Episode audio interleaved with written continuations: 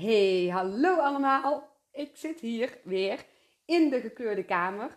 Ik heb een iets beter humeur als gisteravond. Want uh, ik weet niet, Marieke, of jij de podcast hebt geluisterd. Maar oh, was nogal een verhaal. Maar tegenover mij heb ik hier hele lieve, mooie stuiterbal Marieke. En ik vind het wel leuk, Marieke, als jij ja, even iets vertelt over jezelf. En het maakt helemaal niet uit wat. Het is altijd goed. En ben lekker jezelf. Nou, ik ben uh, Marieke, Marieke Smolders. Ik ben 27 jaar. Uh, ik kom uit Oorschot eigenlijk. En woon nu in uh, Tilburg. En ehm, van beroep ben ik orthopedagoog en holistisch gedragswetenschapper. En heb ik mijn eigen praktijk, eigenzinnig. Dat is zo'n leuke naam, hè? Ja. Eigenzinnig, echt superleuk. En um, ja, hoe ben je hiertoe allemaal gekomen? Of misschien kun je een stukje gewoon ja, van jouw leven vertellen. Eerst als, als jong meisje. Ga even terug naar jou, als je wil, hè. Naar mhm. jouw uh, herinneringen, dus de oudste herinneringen. En ja, zo een beetje dat, dat, dat je zo, zo'n draadje zo van jouw leven pakt. Kun je dat doen? Dat kan ik zeker. Mooie vraag ook. Um, ja, vanaf mijn eerste herinneringen. Ik denk dat ik een jaar of vijf, zes was wat ik echt herinner. Met staartjes bij mijn ouders thuis. Uh, ik kom uit een gezin met een onderneming, echt een ondernemersfamilie. En was ik altijd heel uh, enthousiast, heel speels, heel energiek. Um, ik vond alles leuk. Ik had overal interesse in.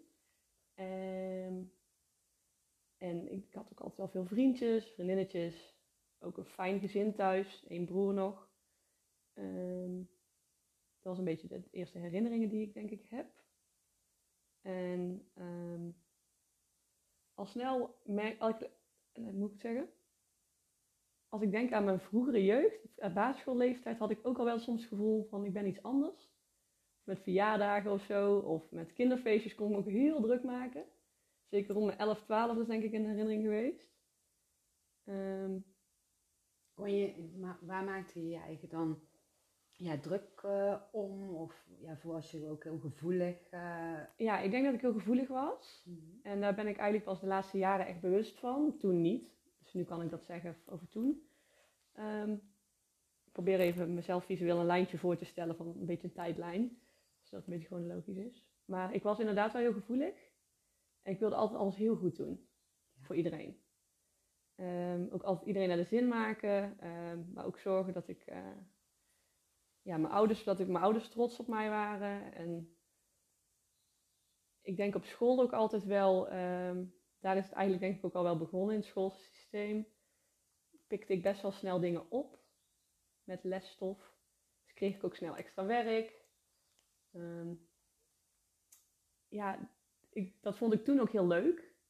En dat is een beetje iets inzichten waar ik toevallig ook de laatste tijd een beetje mee bezig ben. Uh, en ook wel mee bezig ben geweest dat daar ook wel een stukje angst is ontstaan. Um, en ook perfectionisme. Maar dat is denk ik pas vanaf de middelbare gekomen. Um, ja, mijn kindertijd, dat was denk ik, als ik terugkijk, eigenlijk nog wel heel fijn. De basisschool, dan zit ik ongeveer tot mijn twaalfde. Um, en vanaf de middelbare is het wel omgedraaid, denk ik. De eerste twee jaar was het ook wel. Nou, als ik terugkijk, eigenlijk wel een hele fijne periode. Maar Um, ik had wel een masker op. Ja. Waar ik mezelf eigenlijk ook echt verloren ben geraakt. Um, had je dat masker op om erbij te horen? Ja. Of, ja, dat ja. Je... Ik ging heel snel mezelf ook aanpassen. Ik denk dat ik dat al heel jong deed zonder dat ik het wist. Ja, misschien uh, heb je dat ook wel een beetje systemisch meegekregen. Dat zie je vaak. Ja. Vooral in die vrouwenlijn. Ja, klopt. Zeker waar. Dat ik heb, mijn moeder is een hele lieve vrouw. Uh, maar die wilde ik altijd heel graag voor iedereen heel goed doen. En dat is eigenlijk vanuit mijn oma's van beide kanten uh, heel erg het zorgen, het zorgzame. Cijfer jezelf maar weg. En als iemand iets vraagt, uh, oh ja, dat doe ik wel. Of oh, dat doet ons Marieke wel. geen probleem. En dat is ook wat ik gezien heb. Altijd heel hard, heel veel werken. Alles voor iedereen doen. Overal ja op zeggen. Eigenlijk was dat het beeld wat ik had. Dan ben je volwassen en dan ben je goed. Ja iets doen wat anderen verwachten, denk ik ergens ook wel. Uh, ja. En toen ben je waarschijnlijk op een punt gekomen van: oké, maar dit is toch niet zo heel erg fijn? Of Kun je daar iets over vertellen? Ja, zeker. Ja, ik denk dat ik dat ehm, op best wel snel voelde, maar niet zoveel mee kon. Ehm, op mijn. Ik denk eigenlijk vanaf de middelbare, dat is brugklas, en vanaf de tweede. ehm, ik had heel, heel veel vriendinnen, ehm, vond ik ook super leuk. Ga ik ook, heb ik ook nog steeds contact mee. Maar toen ehm, ben ik me wel een beetje gaan camoufleren eigenlijk, als een soort van chameleon. Aan bepaalde meiden wilde ik meegaan of meedoen of hetzelfde zijn. En vond ik het ook moeilijk om mijn grenzen aan te geven. Dus ik deed ook altijd alles voor iedereen. Mensen wisten mij, eh, op, ook op een positieve manier werd het destijds gezien. Maar het kostte mij ook wel heel veel energie. Ehm, Merkte je dat, merkte je dat door dat je dan moe werd of, of chagrijnig werd? Of, hè, want je zegt, Mhm. ja, het kostte mij wel in, best wel wat energie. Hoe merk jij eh, als iets energie kost? Wat voel je dan? ja, en nu kan ik dat heel goed duiden. Dan voel ik, eh, dan ga ik piekeren, dan voelt mijn lijf wel, ik weet niet wat ik ermee moet. En dan gaat mijn punthoofd malen en dan ga ik iets vastzetten. Ehm, en dan kan ik het ook niet loslaten. Dan kost het me energie. Ja, Want- het voelt, klinkt een beetje als een soort van drukkend gevoel. Ja, precies. Ja. En ik denk dat dat ook in de middelbare tijd, middelbare schooltijd, ehm, iets is wat zeker mee heeft gespeeld ook. Ik had eigenlijk een soort van leven. Op de HAVO was het middelbare. ehm, ik had een eigen paard, wedstrijdsport. Eh, ik deed nog werken in de horeca. Ik deed oppassen met vier, vijf adressen. Nou ja, je bent 14, 15, 16. Ik kende alleen maar het regime van 50, 60, 70 uur werken, actief Doorgaan. zijn, doorgaan. Ik had nog nooit gerust. Op het moment dat je dan even niks hebt of zo, voor mijn gevoel, dat is het enige. En ik weet nog wel een keer dat we gingen stappen. Ik ga misschien wel een beetje van de hak op de tak, merk ik. Ja, dat hoort in deze podcast. Er zijn ik mensen weet nog wel dat we een keer gingen stappen en dat ik toen moest oppassen. En dat toen heel slecht weer was. En toen was ik 15. En ik lag op bed. En ehm, meestal gingen we dan eerst klaarmaken en dan ergens nog heel stoer indrinken van tevoren. Voordat we naar het stratum of zo gingen. En ehm, ik, ik weet niet, ik lag toen op bed en toen voelde ik eigenlijk al zo van boom. Zo alsof je accu een beetje leeg is. En toen dacht ik, oh nee, muziek aanzetten en gewoon doorgaan. Eigenlijk Ja. daar, als ik zo terugkijk, zijn dat al heel veel signalen geweest eh, toen. En ik ben eigenlijk gedurende mijn middelbare schooltijd mezelf steeds verder verloren geraakt. Ehm, in die zin dat ik ehm, op school wel een masker had en thuis ergens ook, maar ik voelde me eigenlijk nergens thuis. Ik voelde me ook nergens begrepen. Ehm, ik had ook het gevoel dat ik anders was. En nu kan, zie ik dat ook wel anders, maar op dat moment dan weet je niet zo goed waar je mee zelf aan moet. Ja. En toen ben ik naar de middelbare school. ehm, ja, ik denk dat ik toen ook gewoon, ik denk als je mensen ook vraagt van mijn middelbare schoolperiode, van hoe ik toen was en wie ik nu dan ben, want daarnaast eigenlijk was echt ehm, mijn levenslijn begonnen met persoonlijke ontwikkeling. Toen, ehm, maar, ik, ja, ja, heel eventjes, dit is heel eventjes een, een, een, een momentje dat ik heel eventjes ingrijp. Ja. Want Marieke die is, net zoals ik, heel erg bewegelijk. En we hebben zo'n kabeltje. En ze, zij raakt bijna in de knoop met dat kabeltje. en misschien horen jullie dat. Dus, nou is de bedoeling, Marieke, ja, ja, kabeltje. Ik blijf hij gewoon zo... Ja, nee, je mag, je mag nu bewegen. Je mag bewegen, maar het kabeltje ligt nu zo goed. ja, Oké, Eh, we gaan door. Yes. Ja, dat is leuk hè. In die Ehm. podcast gebeurt hier gewoon van alles. En dat is helemaal prima. ja. En als je hem aanraakt, ja, dan eh pech. Dan zien we dan wel weer. Ik, eh, ik zit goed in ieder geval. Ik heb mijn handen vrij. Ja. Soms met handen en voeten, maar dat kunnen mensen natuurlijk niet zien. Nee. Eh, ik zit even te denken, waar waren we? nou, Nou ja, bij de verwachtingen of zo, hè? ja, we waren eigenlijk ehm, bij het stukje... Ja, we waren een beetje zo, zo door die ehm, eh, puberteit aan Ja. het gaan. Oh ja, En, ja. Ja, en toen kwam jij uit bij een volgende stuk. Maar begin maar gewoon te praten wat, wat er in je opkwam. Ja, ik denk dat ik toen heel erg ehm, dacht dat ik een heel goed leven ook had. Ehm, want ik, had, ik haalde goede punten, ik had werk, ik had veel vrienden, ik hoorde erbij. Dat is dan in die tijd belangrijk, hè? Maar ik denk, van binnen was ik helemaal niet gelukkig. Ja, ja, ja. Helemaal niet gelukkig. En dat masker heb ik best wel lang nog opgehouden. toen ben ik naar het HBO gegaan. Um, sociaal-pedagogische hulpverlening, want ik wist al wel altijd dat ik iets met mensen wilde doen. Ehm, en met dieren, of in combinatie. En toen ehm, merkte ik eigenlijk dat ik meer stapjes richting mezelf begon te zetten. Mijn eigen ontwikkeling en los te komen van de middelbare schoolperiode of wie ik toen dacht te zijn.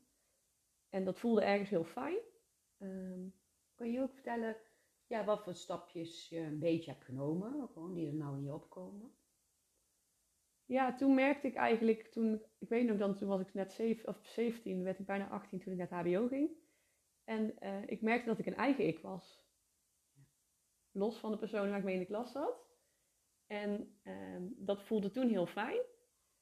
En van mijn 18 tot 21 heb ik HBO gedaan. Ik heb toen wel al ehm, stage gelopen met kinderen en jongeren die gedragsproblemen hebben of problemen in de opvoeding. Of in residentiële noemen we dat dan. Dus jeugdzorggroepen eigenlijk, die kinderen daar die behandeling krijgen, die niet meer thuis kunnen wonen. Nou, dat vond ik allemaal super leuk en dat merkte ik ook, dat is echt mijn ding. Um, werd ik soms ook heel erg gespiegeld met bepaalde problematieken. Oh ja, en dan word je ook bewust met mijn grenzen, juist, met grenzen aangeven. Dus daar werd ik wel zeker bewust van. En toen, um, toen ik twintig was, toen is eigenlijk die aanloop van de puberteit tot aan mijn twintigste levensjaar. toen ben ik zit ik even goed te denken hoor. Ja, dat is ongeveer 20. Maakt op zich ook niet per se uit natuurlijk. hè? Dat is mijn punthoofd. Die wil nu ja. heel graag... goed dat je daar kijkt. Ja, die wil nu graag weten, Marieke, je moet nu weten wanneer dat was. Volgens mij was dat rond 2016, toen ik 20 was. Toen wist ik al dat ik orthopedagoog wilde worden, wat ik nu ben. En toen heb ik mijn minor gedaan uh, in Nijmegen. En daar kwamen eigenlijk, uh, daar kwam ik uh, mezelf heel hard tegen. Ik heb toen vijf maanden op kamers gezeten, omdat ik wilde kijken, hey, vind ik de studie leuk? Past het bij me? Kan ik het aan? Zodat ik dus die vakken al kon volgen tijdens mijn hbo. Dat was win-win. Dus kortere studieperiode en minder studiebelasting. Nou, daar kwam ik eventjes van de koude kermis thuis. Ik had een kamer daar. Uh, mijn paard ging toen even in training. Die heb ik later ook veel verkocht. En toen uh, ben ik echt in een hele diepe depressie beland.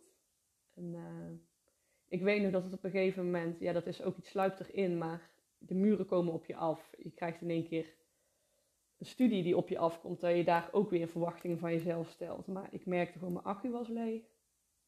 En ik ging heel negatief denken. En op dat moment denk je van, daar kom ik nooit uit. Maar um, ik ben heel dankbaar dat dat ook geweest is.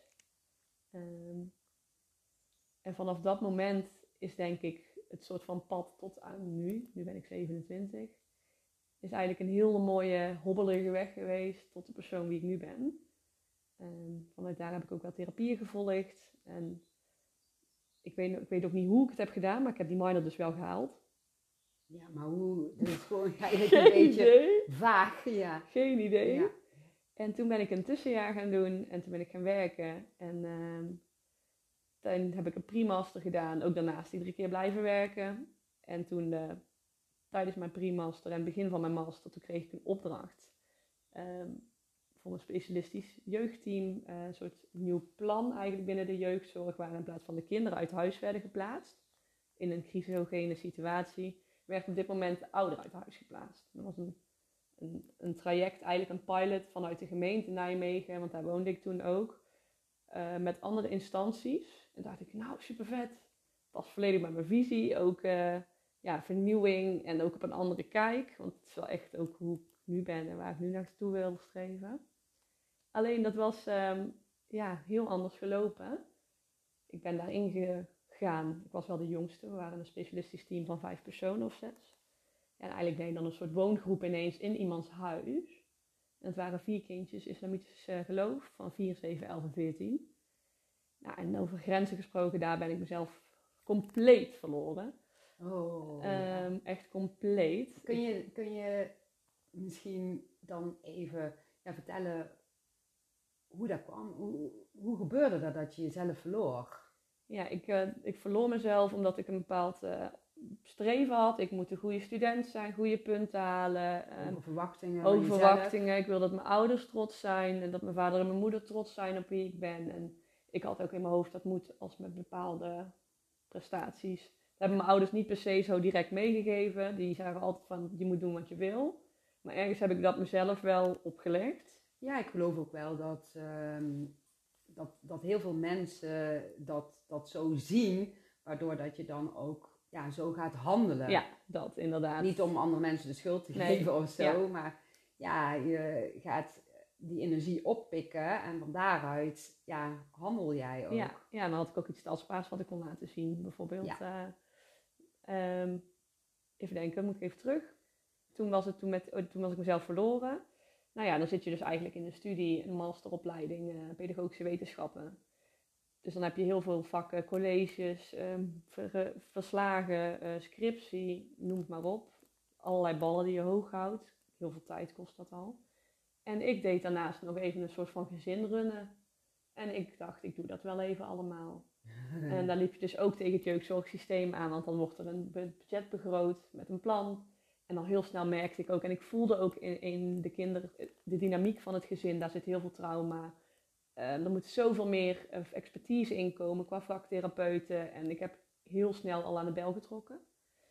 Ehm, werd niet naar geluisterd. En ehm, al snel gingen er een aantal collega's ook weg. Dus dat is denk ik vanaf ehm, december 2018 geweest tot mei 2019.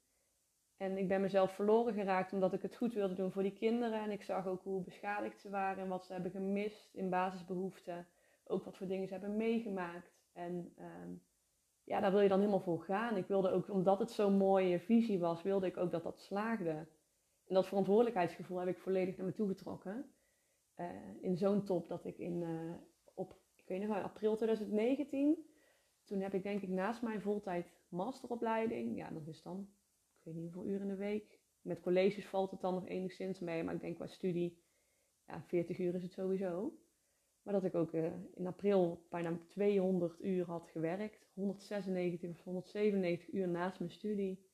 Ik sliep bijna niet meer. Ik, eh, ik- ja, ik ging 's ochtends naar oh, ik ging om 1, 2 uur naar bed. Ik stond om 5, 6 uur op. Die kinderen, ja, dan, mijn jongste was drie. Ja, dan ben je gewoon eigenlijk moeder, ouder. Van kinderen die eigenlijk geen kaders kennen. Geen, ge- geen normen en waarden, maar ook gewoon geen pedagogische kaders. Dus ze hadden ook geen beeldschermtijden. Mochten alleen maar beeldscherm. Deden drie of vier soorten beleg op hun bureau. Ze wisten niet beter. Dus ook echt verwaarlozing spraken. Ja, dat ging me ook zo aan het hart. En ehm, alsnog had ik zoiets van, dat gaat allemaal goed. Ik wilde ook nog ieder weekend naar festivals. Dat deed ik toen ook heel veel. Ik vluchtte ook in feestjes. Van die prikkels opzoeken, omdat ik juist ook zoiets had van, ik moet ook leven. Want je hebt het gevoel dat je dingen mist. Ja, dat is dus heel veel. als ja, dus daar ben ik me verloren geraakt, ja. En ehm, hoe heb je jezelf toen weer ja, wat meer terug kunnen vinden? Dat is een eh, best wel lang traject geweest. Ging er in stapjes? Of ja, je kwam er ineens achter van ja, maar dit, dit is niet goed. en en dus- toen, ja, wat gebeurde er toen? Want werd je toen ziek? Of, Ja, ja, waar ik- kreeg je last van? Nou, ik, werd, eh, ik was er zelf nog niet bewust van op dat moment. Dus ik Ja. had wel klachten. Ehm, ik stond zelfs op een gegeven moment op een festival dat ik het gevoel had dat ik bijna omviel. Maar achteraf, op dat moment, ik dacht toen ik heb niet gegeten, maar Ja, je beseft niet precies eh, wat er eh, gebeurt. Want het doet me even ook herinneren aan dat ik ook in een soort vanzelfde stuk ehm, zat als jij, maar dan een heel ander verhaal, maar dat doet er even niet toe. Maar ik was me niet ervan bewust dat ik echt zo dik vet over die grens heen ging. Maar ik voel met voelde met regelmaat een heel drukkend, kriebelig, raar gevoel. Zo'n gevoel van, wow, als, jij, als je zo doorgaat, dan gaat het dadelijk echt niet goed. En dan Punto zegt gewoon doorgaan, Ja. gewoon doorgaan, gewoon doorgaan, negeren, negeren. ja, En, en dan, dat was echt een heel apart, raar gevoel. Dus een soort van ehm, rare kriebeling in je buik, maar geen vlinders, maar het tegenovergestelde als vlinders. ja. En ook als je Ja. het gevoel als je seconden zou toegeven aan die vermoeidheid, dat je dan ook niet weet waar je zou overkomen. Ja, Dus gewoon doorgaan, doorgaan, ja. doorgaan. De, want als je eraan toegeeft, dan krijg je een explosiegevoel. Ja. Zoiets. Ja. Herken je dat? Heel herkenbaar. Ja, Ja, dus ik denk heel- dat dat goed is dat je het ook even aanhaalt. Ja. Ja. want ik ga, zit nu niet zo in het gevoel. Ik zit vooral voor mijn gevoel een beetje in een verhaal in chronologische volgorde te vertellen. Maar dat gevoel inderdaad. Ja, Zo benauwend. Om, om eens even het gevoel ook te benoemen. Want misschien dat, dat sommige mensen dit ook herkennen. hè? Ja. En dan, eh, ja, ja dat, dat, is, dat vind, ik gewoon leuk. Ja. Maar goed, in ieder geval, ja. ehm, ja hoe, dus hè, je voelt dan dus zo'n raar gevoel. Ja. En dan zegt het punthoofd eh, doorgaan. En dan op een gegeven moment, wat gebeurt er dan? Op een gegeven moment, uh, toen had ik een, uh, heb ik het wel aangekaart dat het zo niet langer kon. Op een gegeven moment was ik nog maar alleen. Maar op een gegeven moment toen uh, was er dus een situatie waarin ze zeiden van, nou, je gaat nu eventjes naar huis.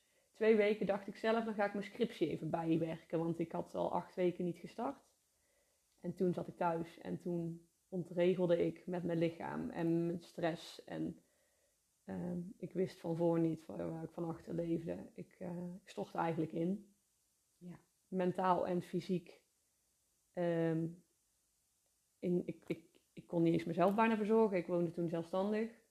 Toen ben ik dus thuis komen te zitten. Um, uiteindelijk heeft toen de, mijn manager, geloof ik, mij ziek gemeld. Die zei van, jij blijft voor de aankomende acht weken in ieder geval thuis. Toen dacht ik, acht weken? Zo lang? Dat hoeft helemaal niet. Ja. Ik ben over twee weken ben ik er weer. Ja. Nou ja, dat ging even mooi anders. Want toen kwam al die stress en mijn lichaam, alles kwam eruit. En ik wist ook niet meer, ik kon niet meer denken, ik kon niet meer goed voelen. Ik was mezelf, ja, dan heb je echt zo'n stuk grijs gebied. Gewoon donker, zwart, grijs. Jezelf even volledig in de put uh, beland. En ik zat nog midden in mijn studie, dus dat dacht mijn punt ook nog van, ja, maar dan moet ook ja, daar kan, je kan hier niet in belanden. Nee. moet door. Ja. en toen had ik een hele gave stage bij een specialistisch team. Uh, ja, team heet dat, Fact Jeugd. Daar had ik toen ook net voor gesolliciteerd rond die maand, april, mei. En dan ging ik in september starten. Dus mijn hoofd dacht al, ik moet daar in september naartoe. Ja. En toen in mei kwam ik thuis te zitten. Nou ja, dan, uh, dan laat je eventjes, ik zie het eigenlijk als een soort van ui. Dat je iedere keer een andere laag van jezelf tegenkomt. Van wie ben ik nu? Wat wil ik nu? Uh, ik dacht allemaal dat die dingetjes die ik deed, dat dat Marieke was. Maar dat was Marieke helemaal niet. En toen heb ik gewoon heel therapie gevolgd en bij mijn gevoel leren voelen weer. En ja, eigenlijk het contact met mezelf weer hervonden. Door vormen van therapie, maar ook juist, ehm, eigenlijk ook juist spiritualiteit of de, de, de, het hogere zelf, zeg maar, daar ook meer contact mee gemaakt. En ook met mediteren, een bepaalde voedingselementen structureel in mijn dagritme mee laten komen. Veel gewandeld, want ik had heel veel paniekaanvallen. En hele druk op mijn borst. Ik voel ook nu ik erover praat, voel ik ook weer drukker. Omdat ik gewoon... Dat was zo niet fijn. Ik kan het ook nu even niet in woorden uitdrukken wat, dat, wat, wat er toen is gebeurd. Ja, nee, maar dat begrijp ik wel. Een soort van ja, roes waar je dan in zit als het goed is. Ja. En um, ja, misschien is het ook wel interessant, want ik weet dat uh, best wel een aantal mensen um, op deze wereld paniekaanvallen kunnen hebben. Uh, kun je daar een stukje over vertellen hoe dat, ja, hoe, hoe ging dat bij jou? Ja. Dus wat is nou een paniekaanval en voel je die van tevoren aankomen of, of, of gaat daar ineens zo, ja.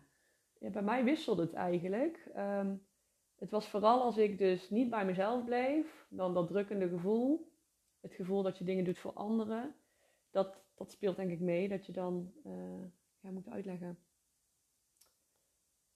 Ja, vertel maar. Gewoon ja, een beetje een soort van uh, een, een angst, um, een drukkend gevoel op mijn borst. Ja, ik wijs nu naar mijn borst. En dat het daar ook hogere ademhalen. En um, ja, vroeger, toen ik paard reed, heb ik dat ook al gehad met de wedstrijdsport. Eh, dat mijn moeder mij bij de Brabantse kampioenschap echt een keer van mijn pony af heeft moeten halen. Omdat ik in een zakje ja, moest ademen. Omdat ik toen dat ook al had. Die druk, dat heb ik altijd zo erg, zo streng voor mezelf ook.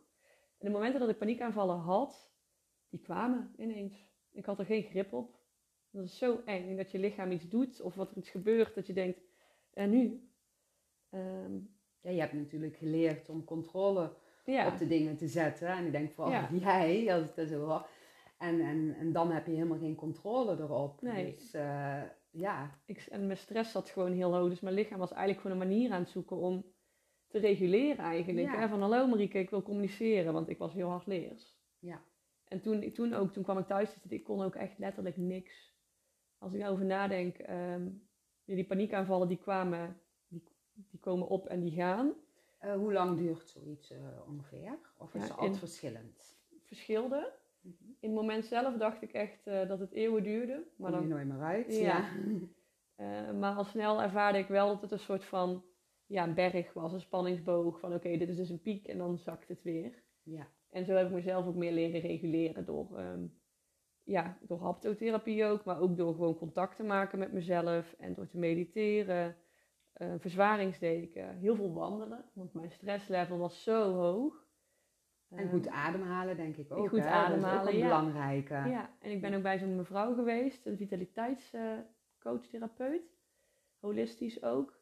Daar ben ik eigenlijk mee in aanraking gekomen. En um, zij heeft toen ook mijn bloed gemeten voor omega-3 waarden. Ik weet niet of je dat bekend mee bent met omega-3 en omega-6. Ja, wel eens van gehoord, maar ik weet er niet heel veel van. Nou, met een stukje burn-out is eigenlijk, uh, of dat je stress dus zo lang zo hoog heeft gestaan, zoveel ontspanning, dat je eigenlijk je adrenaline die je aanmaakt, die kan niet meer goed afgebroken worden door cortisol.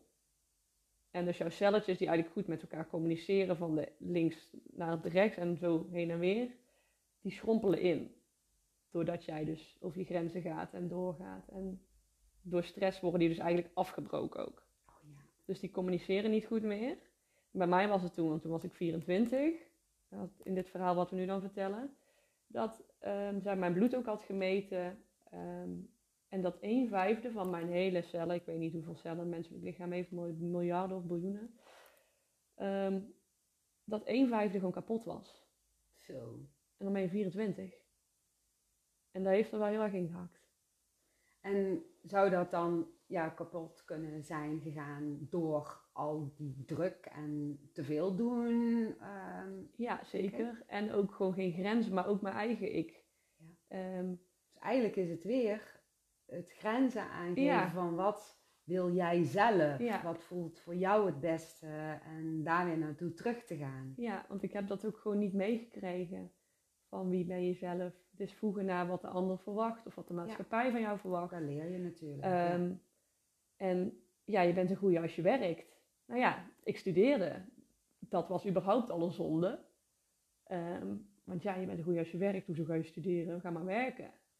Dus dat doorbrak ik eigenlijk al dat patroon als vrouw zijnde. Maar dan krijg je dus ook dat ik wilde daarnaast ook nog werken. Daar waar iedere student gewoon studeerde en de collegebanken ging en ja, de studie had en daarvan leefde. Ik had ook een studie, maar die maakte ik dan weer op aan feestjes en festivals. ging ik ernaast ook nog werken, want dat vond ik ook nog belangrijk. En ook natuurlijk om iets bij te verdienen.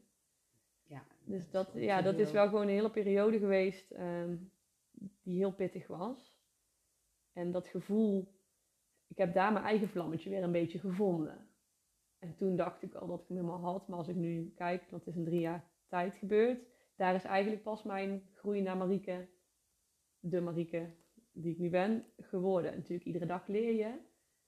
Maar toen op dat moment dacht ik van, ik heb het gevonden. Ja. Ehm, toen ging ik mijn stage doen. Het is allemaal wel heel goed gegaan. Ik heb dat ook meteen wel aangegeven daar. Ik ben dus wonder boven wonder wel binnen vier maanden best goed hersteld, omdat ik dus zo rigoureus mijn leven had veranderd. Door te gaan wandelen, door echt te luisteren. En wat heb ik nu nodig? Niet meer wat de ander verwacht. Mijn brein, je kunt het niet voorstellen, maar mijn brein die deed niks meer. Ik, uh, ik weet nog, het schiet me nu te binnen, dat ik ehm, bij mijn ouders thuis was. Want ik woonde, kon niet meer in Nijmegen wonen, want ik kon niet zo goed voor mezelf zorgen. Um, en wij hebben heel veel mensen bij ons thuis op visite of klanten, dat ik met mijn handen op mijn oren in bed lag, omdat ik boven sliep. Maar dat zelfs dat geluid, die prikkels, die kon ik al niet verdragen. Mijn zenuwstelsel was zo overbelast. En als dan de mensen weg waren, dan draaide ik de deur op slot. En toen ging ik ontbijt maken. Ik vond het heel lekker om havermoutpannenkoekjes te maken. Nou, dan heb je een kom, boter, nee, boter voor de, in de pan, havermout, banaan, ei. Ik heb gewoon daar gestaan en ik wist niet meer wat ik moest doen. Zover. Gewoon helemaal blackout. En dan moest ik gewoon huilen. Ja. Ja, dat emoties komen natuurlijk ook heel veel dan los en vrij. Ehm, maar dat, ik, ik, dat was zo zwakte, voelde dat.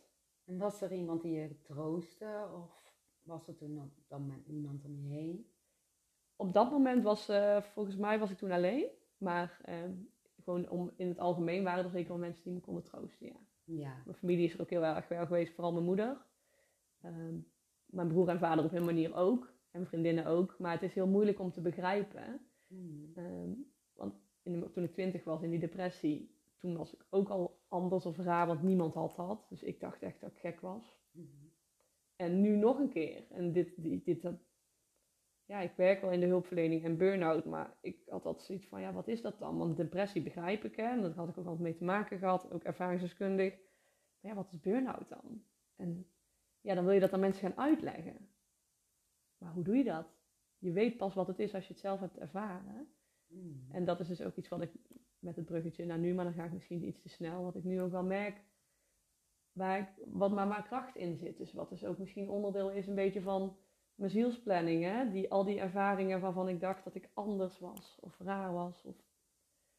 Dat moest gewoon doorbroken worden omdat ik iets te betekenen had en die ervaringen dus ook nodig had. Ja, dat geloof ik heel sterk. Ja, Ja, ja. oh mooi. En ja. het is nog niet klaar, want ik heb hem dus nog een keer gehad, vorig Ja. jaar. Dus dat is een beetje eh hard leerd, denk ik ook. Nou ja, hoe meer ervaring, hoe beter. Zo zou je het ook kunnen zien, toch? Ja. Ja.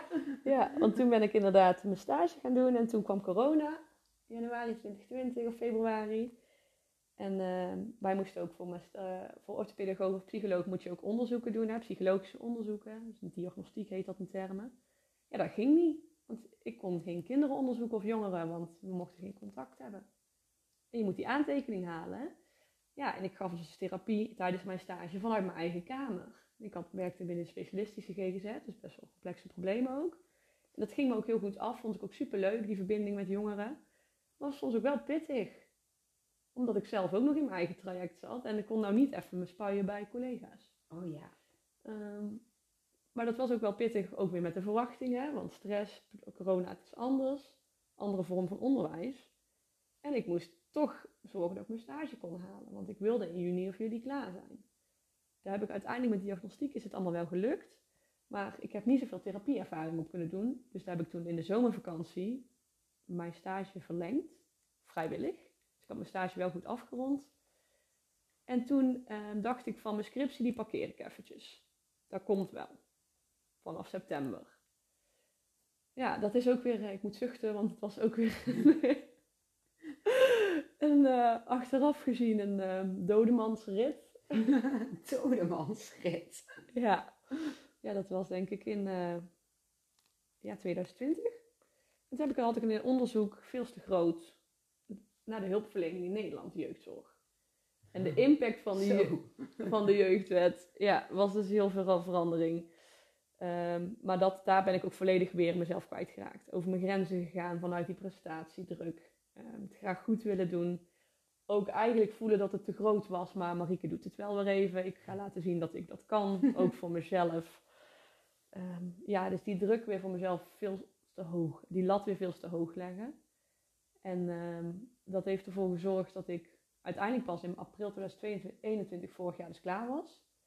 Maar toen was ik dus eigenlijk weer helemaal op. Ik ben toen in december volgens mij nog bij jou geweest. Ik heb die laatst nog een keer teruggeluisterd. Toen zei jij ook van, eh, dat ik ook wel uitgedaagd om bij mezelf te blijven en grenzen aan te geven. En eh, dat ik iedere dag iets leuks moest doen voor vijf minuten, omdat anders mijn accu'tje wel eh, leeg zou raken. Nou ja, je hebt er natuurlijk allemaal goed zien aankomen. En die ervaring heb ik dus ook wel weer uit kunnen halen. Dat ik weer bij mezelf mag blijven. Mooi. Want ja. het onderzoek heb ik uiteindelijk ook wel goed afgerond. Ehm, het zou eerst ook nog gepubliceerd worden. Gaat nu niet gebeuren.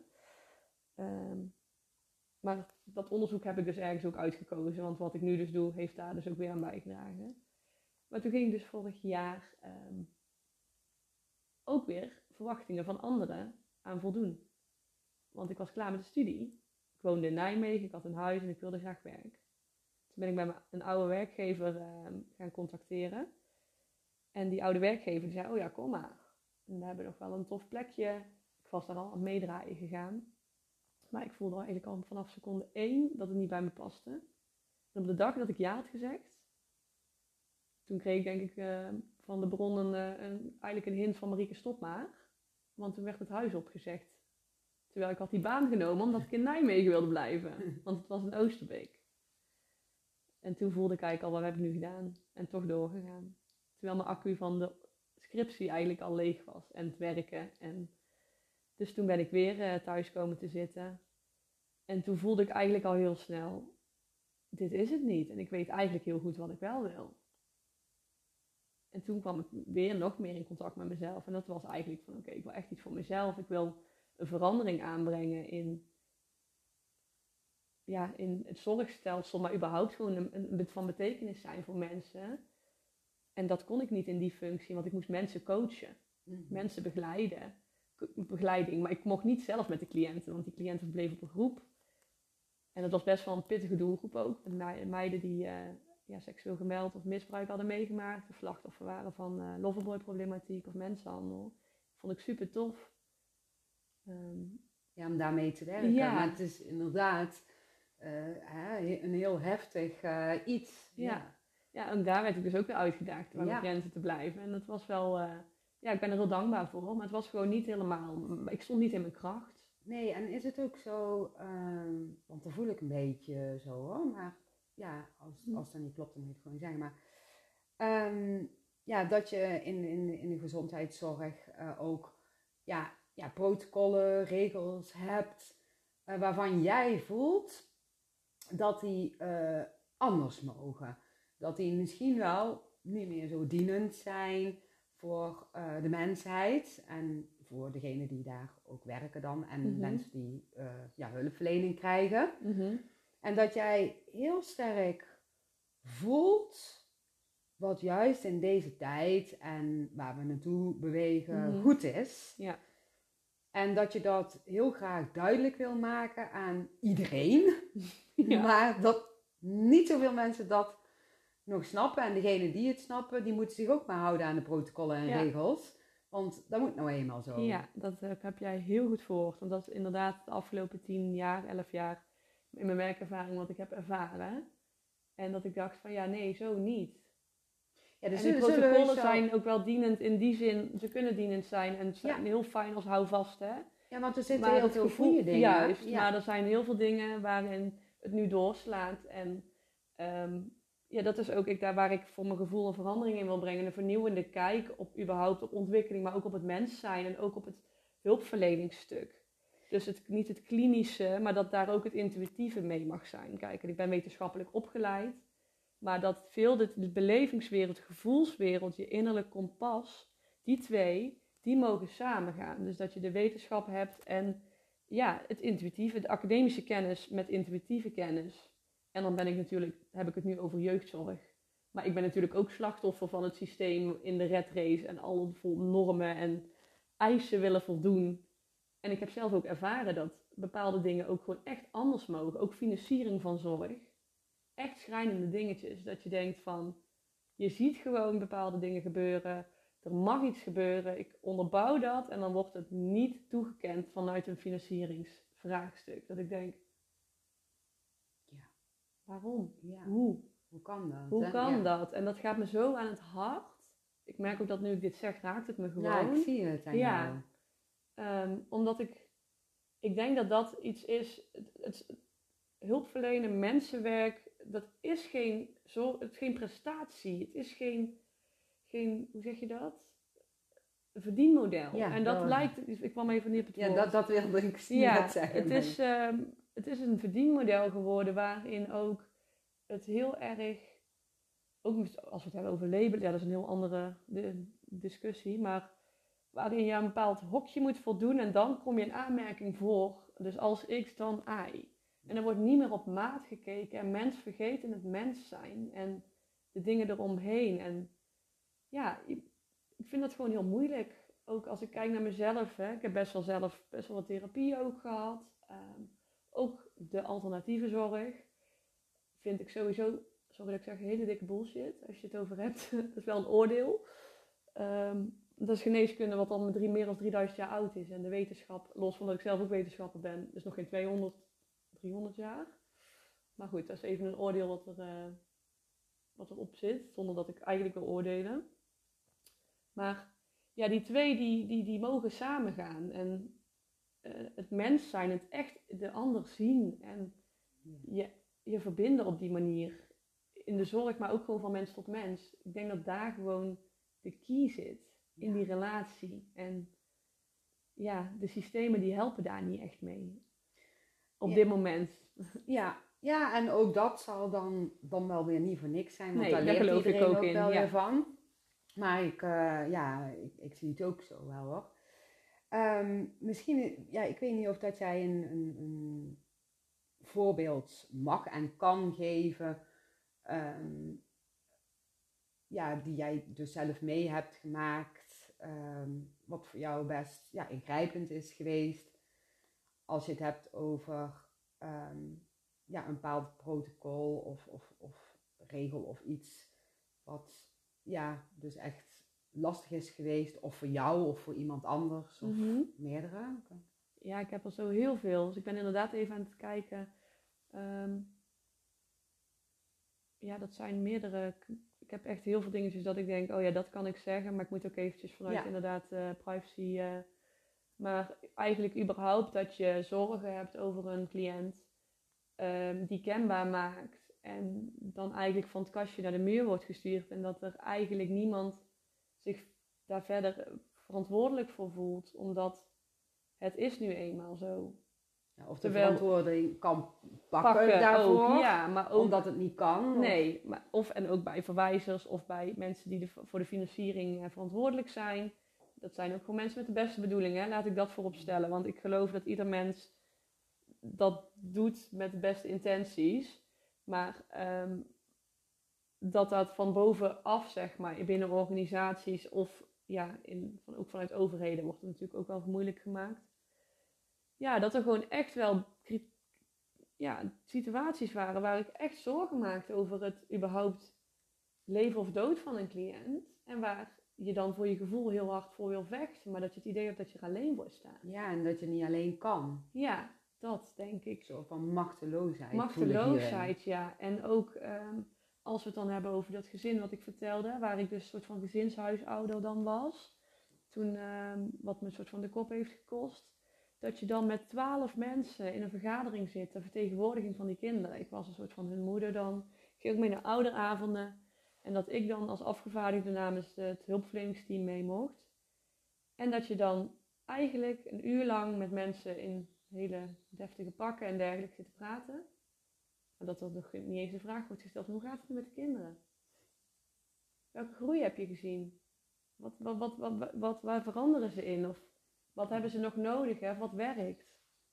Ja, dat, dat, dat, dat heeft me heel erg geraakt toen. Het deed heel erg pijn in mijn hart. Dat ik denk, heb ik dan zo'n gekke visie?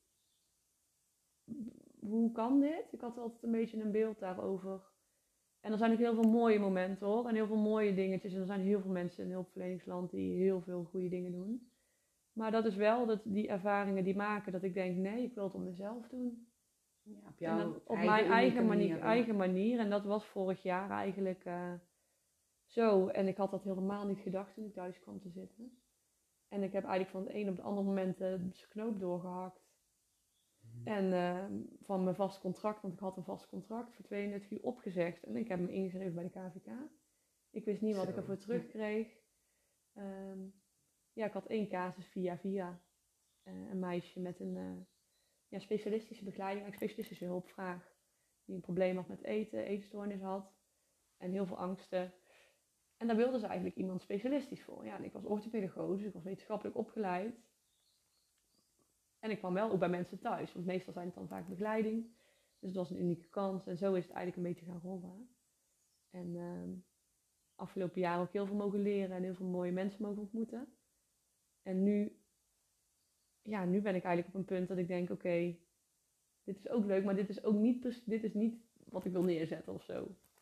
Je voelt zeg maar dat er nog meer ja, ja gaat komen. Ja, op een gevoel, maar je weet niet precies... Uh, hoe of wat, maar je bent gewoon een beetje ja, aan het kijken in het nu van ja, wat is nu het fijnste en meest passende in het stuk? Of hoe doe je dat? Ja, dat inderdaad. Dus inderdaad naar het hier en nu en goed voelen. En ik ervaar nu ook wel dat eigenlijk al die ervaringen die ik dus heb meegemaakt, dat dat dus een soort van nu samenkomt. Dat ik daar dus ook iets mee, ehm, dat ik dat sowieso meeneem. Hè? En die strijdlustigheid ook van, ik wil daar echt voor gaan die heb ik ook wel. Maar ook dat je inzage hebt gekregen in bijvoorbeeld ja, protocollen die niet helemaal dienend uh, meer zijn. Ja. Dat je een heel goed inzage hebt gekregen en van daaruit ook met je goed planhoofd en gevoel, ideeën eh, krijgt, gevoelens krijgt, om eh, het te doen op ja, ja, jouw manier. Maar dat is eigenlijk de manier wat te maken heeft met de nieuwe tijd. Ja, Dus zeker. helemaal eens. Ja, helemaal. Nou ja, inderdaad, ik heb het woord nieuwe tijd nog niet eens genoemd. Maar dat ben ik helemaal met jou eens. Ja, dus de tijd waar we nu Ja. naartoe gaan. Want Ja. ja. ik geloof natuurlijk heel sterk dat het allemaal al aan het veranderen is en nog meer gaat veranderen. En dat jij heel goed op een of andere manier kan invullen wat voor deze nieuwe tijd eh, juist prettig is. Ja. En dat je daar ook iets neer, voor wil neerzetten. Ja, Je kan eigenlijk niet anders. Want als je, als je dat toch weet, dus je hebt de bewustwording, ja, zowel onbewust als bewust, wat nodig is voor de nieuwe tijd, dan kan je natuurlijk onmogelijk in die oude zienswijze blijven. maar daar, gaat, daar gaat het niet. Je gaat Ja. iedere keer een trapje omhoog, maar je kunt Ja. niet meer terug. Maar het is wel nodig geweest dat je hem even hebt gehad, terwijl je toch voelde van het klopt niet. Omdat je daardoor weer die ervaringen allemaal op Ja. hebt gedaan. En ook ervaringen op hebt gedaan, eh, ja, jezelf helemaal verliezen en dat en soort dingen. Maar ook die inzage hebt gehad. Ja, eigenlijk is het best wel gaaf als ik het zo... Ik vind het heel Zie. gaaf. Ja, Ja. Ik had het ook niet anders willen doen. Eh, los van dat in het moment zelf denk je echt van... eh, Ja, hoe, nee. hoe overleef ik morgen Ja, en hoe wordt het morgen? Ja. Ja, maar die nieuwe tijd en dat, dat is wel echt iets.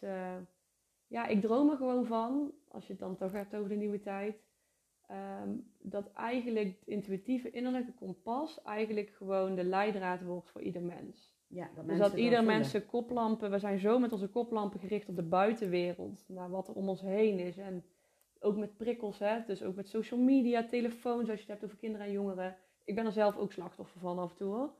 Er wordt zo, er wordt zo Je gaat in er red in- race, ja. snel in mee. Ja, en Ja. mijn droom is eigenlijk gewoon dat, ja, dat een soort van verandering teweeg te brengen waarin ehm, zowel in het jeugdzorgstelsel als in het onderwijssysteem, eh, en met het onderwijssysteem ben ik toevallig al een beetje bezig, eh, waar die intuïtieve wijsheid gewoon meer naar voren mag komen en ook in het zorgstelsel. Dus als je het hebt over reguliere financiële zorg, hè, maar ook de complementaire, de zaakse alternatieve kant. En dat je daar bijvoorbeeld een soort van bewustzijnscentrum neerzet voor jong en oud, waar mens, dier en natuur elkaar ontmoeten, waar echt de zintuigelijke beleving, dus ja, je voelen, eh, je, je lichaam leren kennen, je signalen van hoe voelt een prikkel of hoe voelt een bepaalde sensatie, wat voel ik daarbij, of wat denk ik. En om dus ook een eigen, iedereen heeft eigenlijk een eigen gebruiksaanwijzing, maar dat iedereen zijn eigen gebruiksaanwijzing ook de kans krijgt om die te leren. En ik geloof ook erin dat levenslessen daar zeker voor nodig zijn. Ja, Maar ik denk dat het heel mooi is als je zo ieder, ieder op zijn manier, iedereen bewust, of iedereen is goed en bewust op zijn manier natuurlijk. Maar dat, dat, dat je veel meer weer in verbinding komt met je ware kern en dat iedereen gewoon ja, echt doet wat, wat hij of zij blij van wordt in ware essentie. ja, en Dat Als je- ik weet niet hoe jij dat ziet. Ja, ja, ja. Dat zie ik ook wel zo. En ik geloof wel dat we hier op deze aarde eh, steeds eh, toch ja, dingen kunnen leren. En dus ook even niet bewust zijn. Mhm. En dat dat niet bewustzijn ook nodig kan zijn. Maar op het moment dat iemand toch in een beetje die rijping gaat zitten, dat je dan ook fijne begeleiding kunt krijgen. Wat we nu, eh, ja, voor mijn gevoel best wel missen Mhm. daarin. En eh, dat het daardoor ja, veel soepeler eh, Ja. gaat of lichter wordt of zo. Maar ja, dan zal er toch nog wel zware dingen tussen zitten. Ja. Want dat is nou eenmaal de aardse werkelijkheid. Klopt. Maar ik heb het gevoel gewoon ja, dat, het, ehm, ja, dat het gewoon veel duidelijker allemaal kan Mhm. Ja, eens. worden. En Helemaal eens. Ik, ik zie al dat dat in de afgelopen jaren al eh, best wel aan het groeien is. Mhm. En ehm, dat er steeds meer mensen ook ja, voelen van hé, hey, maar dit is wat, wat goed is voor de nieuwe tijd. Ja. Dat, dat zie je, dat mensen ineens, ineens ja, een, een gevoel daarin krijgen of bewust worden dus eigenlijk. Dus onbewust wisten ze het misschien wel, maar ineens bewust worden van oh, daar wil ik iets mee doen. Net zoals jij Mhm. voelt ook van wauw, ja, daar wil ik iets mee doen. En ja, natuurlijk, als je dan even kijkt bijvoorbeeld naar het onderwijs, hè, eh, ja, die, die moeten zich wel houden aan hè, wat het eh, ministerie van Onderwijs eh, bedenkt. En ik weet niet wie daar nog meer allemaal achter Mhm. zit. Zou ik toch wel een keer willen spreken. Ik ook, heel Ja, dus- graag. Eh, mocht jij luisteren en ben jij daarmee verbonden, Marieke en ik Ja. willen met jou spreken. Oh, echt. Ja, en dan doen we ook meteen een podcast van maken, of niet dan? Ja, ik ben ook naar de middelbare school laatst gestapt. Ja? Heb, ik, heb ik gewoon naar binnen gestapt.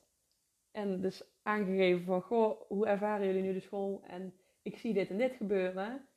En ik denk echt dat er een verandering mag plaatsvinden. En die was zo krachtig dat ze zeiden van, ja, daar willen we wel naar luisteren. Oh. Ehm, dus daar ben ik nu ook een beetje over aan het nadenken en aan het brainstormen. Ehm, maar ik geloof ook wel dat daar nu de tijd voor is. Dus ja, ik denk het, dat... het begint nu te komen. Ja, En de ene school is daar misschien eh, wat meer klaar voor als de Mhm. ander. Maar ja, achter die school zit nog iets achter. Ja, hè? En klopt. eigenlijk zou je, zou je daar binnen mogen stappen. Ja. maar dat is dus weer, dan heb je het als je het hebt over systemen. Want we hebben het net heel over zorgsystemen Ja. en onderwijssysteem. Maar er zit dus heel dat het financieringssysteem, Ja. dat zit er ook achter. Maar eigenlijk zou je zoiets willen creëren, want het vragen is er met mensen. Ja.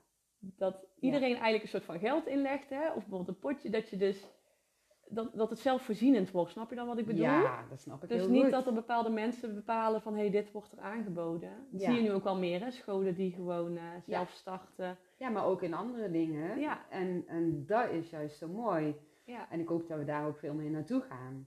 Ja. Ja. En een stukje prikkelverwerking, ja, ik vind dat gewoon, dat heb ik dus aangeboden. Ik zeg van dat, dat stukje, hoe mooi zou het zijn, dat heb ik echt gemist in mijn middelbare schooltijd. Ja, dat, dat kan ik me eigenlijk helemaal voorstellen. Ja. Maar ik vind het wel leuk om daar zo meteen nog op verder te gaan. Maar ik zie, zeg maar, hè, als ik eh, hier kijk, hier ligt de telefoon voor ons neus. En dat we bijna zo op die 55 minuten zitten. Dus dan ga ik hem heel even ja, opslaan. En dan gaan we zo weer verder. En dan gaan we het daarover hebben. Yes? Yes, daar zijn we weer. Ja, we, voor jullie zijn we dus niet weg geweest. Maar wij hebben weer even een plaspauze gehad. En een lekker bakje thee ingeschonken de ene opname opgeslagen en we gaan weer verder. En waar we, als het goed is, gebleven waren, eh, ja, begon jij te vertellen over prikkelverwerking. Mhm. Nou, dan ben jij nou aan de beurt. Ja, we hadden het inderdaad over het stukje school, hè, en dat eh, die veranderingen daarin, eh, ja, en prikkels gewoon in deze tijd, tenminste mijn inziens, als ik ook terugkijk naar mijn eigen ervaringen, maar ook vanuit mijn stukje werk, dat dat iets is wat zo'n onderbelicht stukje is in onze maatschappij en ook in het onderwijs. ja, en misschien is het goed, ja, ik snap precies wat je bedoelt, hè, om even uit te leggen, wat zijn nou, ja, prikkels? Mhm. Prikkels, ehm, ja, vanuit theorie, ehm, zijn dat, is dat eigenlijk alle informatie die je binnenkrijgt. Dus dat is zowel met je zintuigen, ehm, dus horen, zien, proeven, voelen, ruiken. Maar dat kan dus inderdaad ook je zesde zintuig zijn. Hè. Ehm, je kunt ook interne prikkels ervaren, zoals honger, dorst, warm, koud. Ehm, dus eigenlijk alle informatie die je binnenkrijgt. En van buitenaf is het dus vooral via je zintuigen. Ehm, en ja, spanning, bijvoorbeeld buikpijn, is ook een prikkel. Maar dat is van binnen. Dus in de theorie noemen ze dat dan interne en externe prikkels. Maar het is eigenlijk alle informatie die je binnenkrijgt. Dat is prikkelverwerking. Ja, bijvoorbeeld ook ehm, de energie die je oppikt van een ander. Ja. Dus stel je voor, ehm, ja, nu komt de buurvrouw binnen en die is heel erg chagrijnig. Dat je dat ineens ook als prikkel, Ja. dat is eigenlijk een onzichtbare prikkel. Of dat, hoe noem je dat dan? De, eh, Dus, ja, ik noem dat zelf gewoon een energieprikkel eigenlijk. Het is gewoon energie die je overneemt. Dus dat is een stemming, een zwaarte. Ja. Die je dus inderdaad in een buikpijn kunt voelen. Maar dat kan dus ook gewoon letterlijk in beur of hoofdpijn. Hè? Of in zwaarte dat je verdriet voelt. Dus een emotie of een gevoel.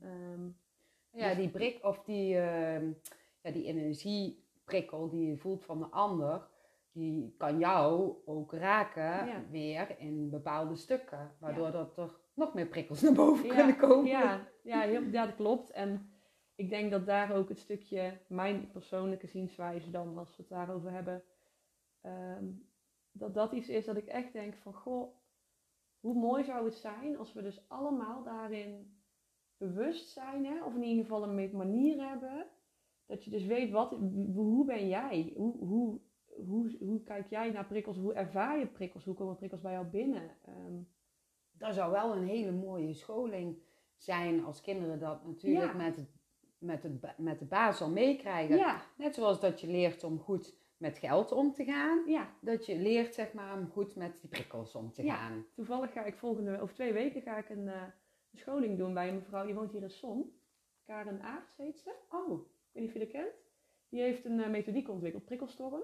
En die heeft oh dat, met is, dat Karin Jansen toch? Of, eh, sorry, Karin Jansen. Ja. Zo zei ik. ik denk al Karin Ja, nee, Die ken ik niet. Dat is raar als Ja. ik die, dat ik die niet ken. Nee. Want ik wou wel zeggen, oh dat is Karin Jansen. ja, maar Karin, ik, nee, dat klopt. Ja. Dat is Karin Jansen. Ja, oh, doe ze heel veel liefs. Dat zal ik is echt mijn lieve, lieve, lieve lievelingscollega. Oh, wat leuk. Ja. Nou, daar ga ik eh, inderdaad naartoe. Maar dat zou, mijn, eh, dat zou ik heel mooi vinden. En ook als ik kijk naar wat ik zelf heb ervaren, maar ook de jeugd van nu. En ook in mijn eigen omgeving, mensen van een leeftijd. Ja, ja, misschien ook bij jouw vrienden of vriendinnen. Die zelf ook gewoon vastlopen in een stukje prikkels. Want onze maatschappij die gaat zo mega snel. Mhm. En telefoon is prikkels. En weet je, wat, hoe kun je die balans houden? Hoe kun je bij je eigen kern blijven? Dat is al een uitdaging. Maar je moet wel weten wat je kern is. Ja. Dus wat is een prikkel? Dat is een hele mooie vraag die jij stelde. Maar hoe, hoe ervaar ik prikkels? En welke prikkels zijn voor mij fijn op welk moment? Dus eigenlijk bijvoorbeeld een soort van stoplicht hebt. Van rood. Ja, ik doe altijd geel er nog tussen. Oranje en dan... Of van geel, groen, geel, oranje, rood. Van hoe zie jij er in fase geel uit? Hè? Wat vind je dan fijn of wat kun je dan verdragen? En hoe, hoe ziet het eruit als jij naar rood gaat? Oh ja. En waardoor? Dat zou ik echt wel gunnen eigenlijk. En ook mijn jongeren zelf. Ik, mijn inziens is dat iets wat wij gewoon in- ook in de middelbare school niet leren. Alles wat ik eigenlijk afgelopen jaren in therapie heb geleerd, dat zou ik gewoon van mijn twaalfde tot mijn zeventiende geleerd willen hebben. Ja, ik, ik, ik heb ook wel het gevoel dat eh, de nog jongere kinderen, dus de basisonderwijs, het, het, het basisonderwijs, eh, dat je ook heel leuk spelende wijs Ja. ehm, iets daarin eh, kunt doen, Ja. in spelvorm of wat dan ook. Ja, Eens, ja. als ik daar even nu ehm, een goed plan overheen laat gaan, dan komt er zo'n goochelhoed en dan, ach man, dan hebben we drie podcasts bij elkaar, dus ik zal maar even mijn mond dicht houden. Maar misschien, ik vind het wel leuk, zeg maar, om van jou te horen van, goh, stel je voor je zou eh, met mensen of jongeren werken, met welke doelgroep werk je het liefst en wat zou je met ze doen? Ja, ik werk nu vooral eh, met pubers en met ouders eh, van pubers. Ehm, dat vind ik heel leuk. Basisschoolleeftijd vind ik ook super leuke leeftijd. Ja. Maar eh, ik denk dat mijn kracht eh, nu zit bij pubers en jongvolwassenen, ja, slash volwassenen. De doelgroep eigenlijk waar ik zelf nu ook in zit. Hè. Ehm, maar de, op het gebied van pubers gewoon leren van, hey, wie ben je? En waar krijg jij energie van? En Ja. ook het stukje ik, dus de ik van de puber en dan ook de ander. Mhm. En wat vind ik belangrijk, hè? Of wat, wat, wat vind ik belangrijk en heb ik dat meegekregen van mijn papa of mama? Of heeft ooit iemand eh, op de sportclub dat gezegd? Of mijn oom of tante? En vind ik dat ook echt? Voel ik daar iets bij? Of doe ik dat omdat ik loyaal wil zijn of graag iets goeds wil doen? Mhm. Dat zou ik er mee willen geven. Ja, die methodieken wat jij zegt over het onderwijs of intuïtieve, het speelse, daar kan ik ook uren over praten. Ja, Van welke kleuren of welke. Ja, ik gebruik ook heel veel. eh, ik maak alles heel veel visueel. Ik heb altijd een flap over bij met stiften en zo. En dan ga ik soms ook gewoon tekenen. Leuk. En dus stel je voor, nou, hè, ehm, ik heb heel even een puber. Ja. En eh, die zit er helemaal doorheen. Ja. Ehm, ehm, is super zoekende. Eh, weet absoluut niet eh, welke richting eh, die in wil. Maar voelt heel erg een druk op school. Ehm, en heeft ook wel meegekregen... ehm, ja, dat het met hem toch niks gaat worden. En zit er zo doorheen dat hij het leven niet meer ziet zit- zitten. Mhm. Nou, ik ben even dan de mama van Ja. deze puber. En ik vraag Marieke, ik weet het niet meer, want ik weet niet meer wat ik moet doen. Ja, Wat zou jij dan doen? goeie vraag. Eh, ja, dat is natuurlijk heel... Je voelt wel eerst in instantie Ja. in als je de puber voor je hebt. Precies. Ik- vind, het, ik vind het altijd fijn zelf om eerst de puber te zien. Ja, Of eh, de puber los van de ouder. ja dat Eh, zou ik dat- ook willen start ik, adviseren. daar start ik altijd mee. Ja. Ehm, of eerst gezamenlijk en dan met de puber alleen. Juist ook omdat je in gesprek met ouders vaak ja, die loyaliteit dan ook hebt. Ja, zo Maar- anders hè? Ja, Precies. En ik zou dan eigenlijk vooral, denk ik, eh, een soort van uh, ernaast gaan staan. Dus ook vanuit gelijkwaardigheid. Hè? En niet van, hé, hey, ik, ik, weet het beter. Die vraag, je, wat zou je nu doen? Ik probeer nu vooral even in te voelen. Omdat, ja, ieder jongere is anders. Dus ik kan het natuurlijk niet op een Nee, maar gewoon leggen. een beetje een ja, basis. Nou ja, dan zou ik inderdaad um, gewoon teruggaan naar van, oké, wat zijn de uitzonderingen? Hè? Op de momenten, wanneer wil je niet dood? Wanneer eh, denk je er niet aan? Of wanneer voel je je nou, fijn is misschien niet juist de woord als een jongere zo diep zit. Mhm. Maar ehm, ja, wanneer voel je je neutraal? Of ehm, wat heb je nodig? Wat zijn je behoeftes? En soms zie je ook in bepaald gedrag dingen terug, maar daar zit een hele andere behoefte onder. Ja. Dus ik probeer altijd de behoeften en de gevoelens daarin los te koppelen. En dat, ja, dat gaat soms ook heel intuïtief. Ik heb ook van die methodes en kaartjes, maar soms is het ook gewoon in gesprek of wandelen of de natuur gebruiken. Bijvoorbeeld als je gaat wandelen in de natuur en iemand legt een hoge druk op zichzelf. Dan kun je het hebben over hoe mooi de natuur is, maar hoe imperfect eigenlijk. Ieder blaadje is anders. Dus je bent zelf uniek. Daar, daar zie ik ook. Ja, Zo meer sterk. terug in de kracht laten komen. Ja. Ik weet niet hoe jij dat ziet. Uh... Ja, weet je, ik, ik geloof echt iedereen is uniek en uh, daarom zou ik ook niet precies kunnen zeggen als zo'n jongen bij mij komt van, nou, wat gaan we doen? Ja. Ik ga altijd afstemmen en van daaruit um, ja, voel ik wat nodig is. Maar wat ik wel ook, daar begon je eigenlijk ook mee, um, ook, ook zo ervaar is dat een, een puber, als we het even over pubers hebben, um, heel anders is zonder ouder als met de ouder. Dat is, dat, dat is zo anders. Ja, dat is echt een wereld van verschil. Uh, dus ja, ik zou dan ook uh, een gesprek sowieso met de puber alleen willen hebben en ook daarna met de ouder. Maar als ik to the point kom met de puber, of ja, als ik alleen ben met de puber, dan komen we eigenlijk altijd heel snel to the point. Dat is zo mooi. Mhm. Ja, en alleen al dat je, um, ja, dat je er gewoon, gewoon bent, dus mhm. gewoon er zijn, en dat alles oké is, is al oh, zo fijn. Ja, en dat er helemaal geen druk is. En ja, meestal voel ik ook altijd in van, um, uh, ja, moet je dat zeggen? Dus stel je voor dat het kind op school um, gewoon echt niet mee kan komen.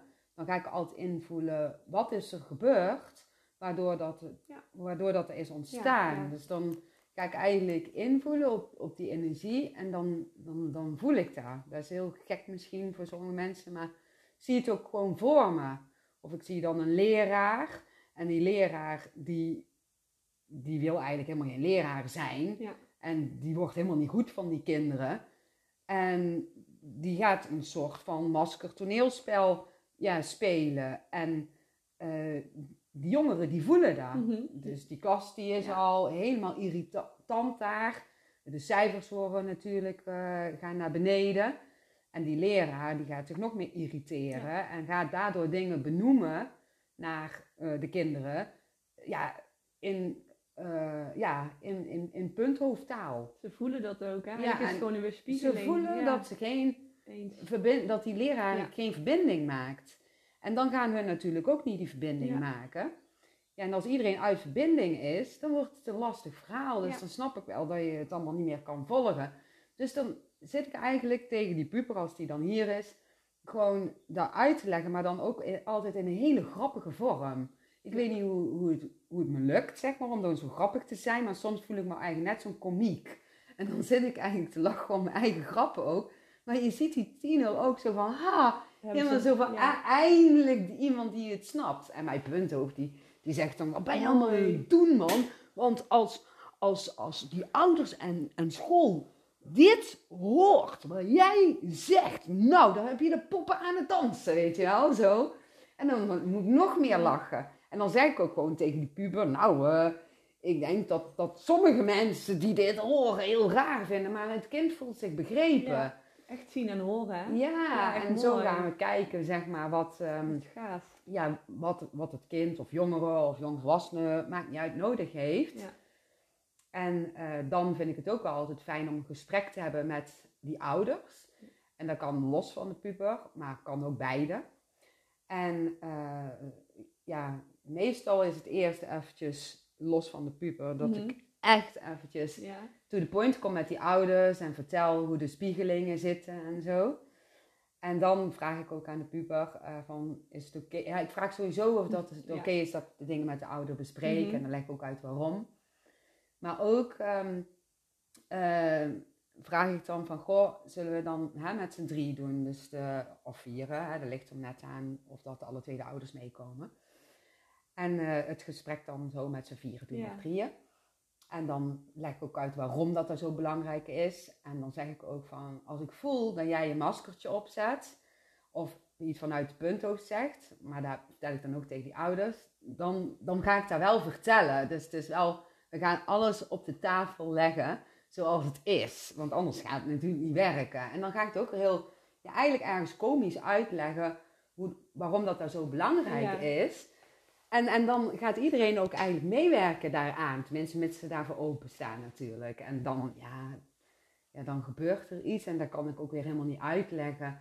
Want ja, eigenlijk doe ik het helemaal niet, heb ik het gevoel. Dus het lijkt net of dat, dat, dat wat ik zeg en wat ik doe, alsof dat gewoon door mij heen gaat. En er is helemaal niks zeverigs aan. Want ik geloof dat daar wel bij iedereen zo is. Je, je Mhm. downloadt de energie, informatie en je gaat gewoon vertellen wat er in je opkomt. En Klopt. van daaruit gaat het gewoon vanzelf. En als Fijn, zou ik het voorbereiden of allemaal volgens de regels doen, dan gaat het helemaal mis. Of volgens Ja. boekje. Dan gaat, dan gaat niet werken bij mij.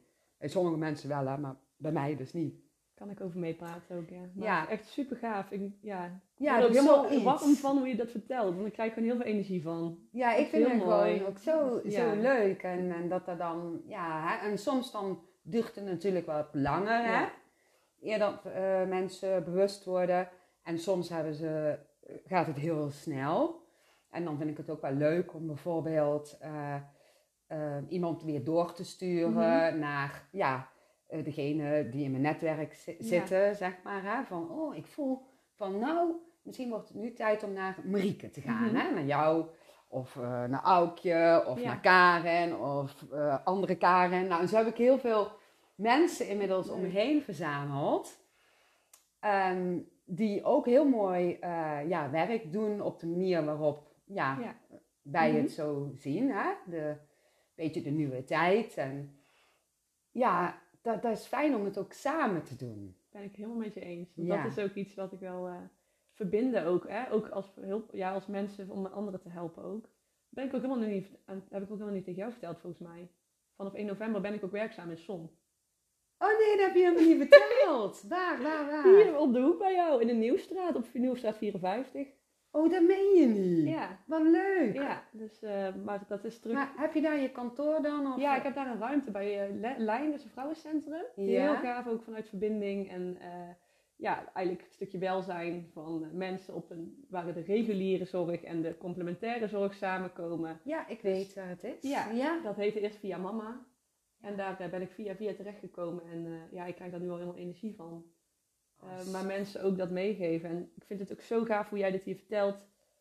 ehm, over dat stukje met die pubers en ook met ouders en die patronen doorbreken. Maar dat is, ik vind dat soms ook wel lastig hoor. Want ik, wil, ik had daar wel een vraag over. Ik weet niet of ik hem mag stellen. Oh ja, je mag. Ehm, ik vind het leuk als, als mensen vragen hebben. Ja, Ja. zeker. Het stukje, ja, ik heb daar natuurlijk als orthopedagoog mee te maken. Gedrag van jongeren. En eigenlijk, ik heb het ook met gezinsbehandelingen.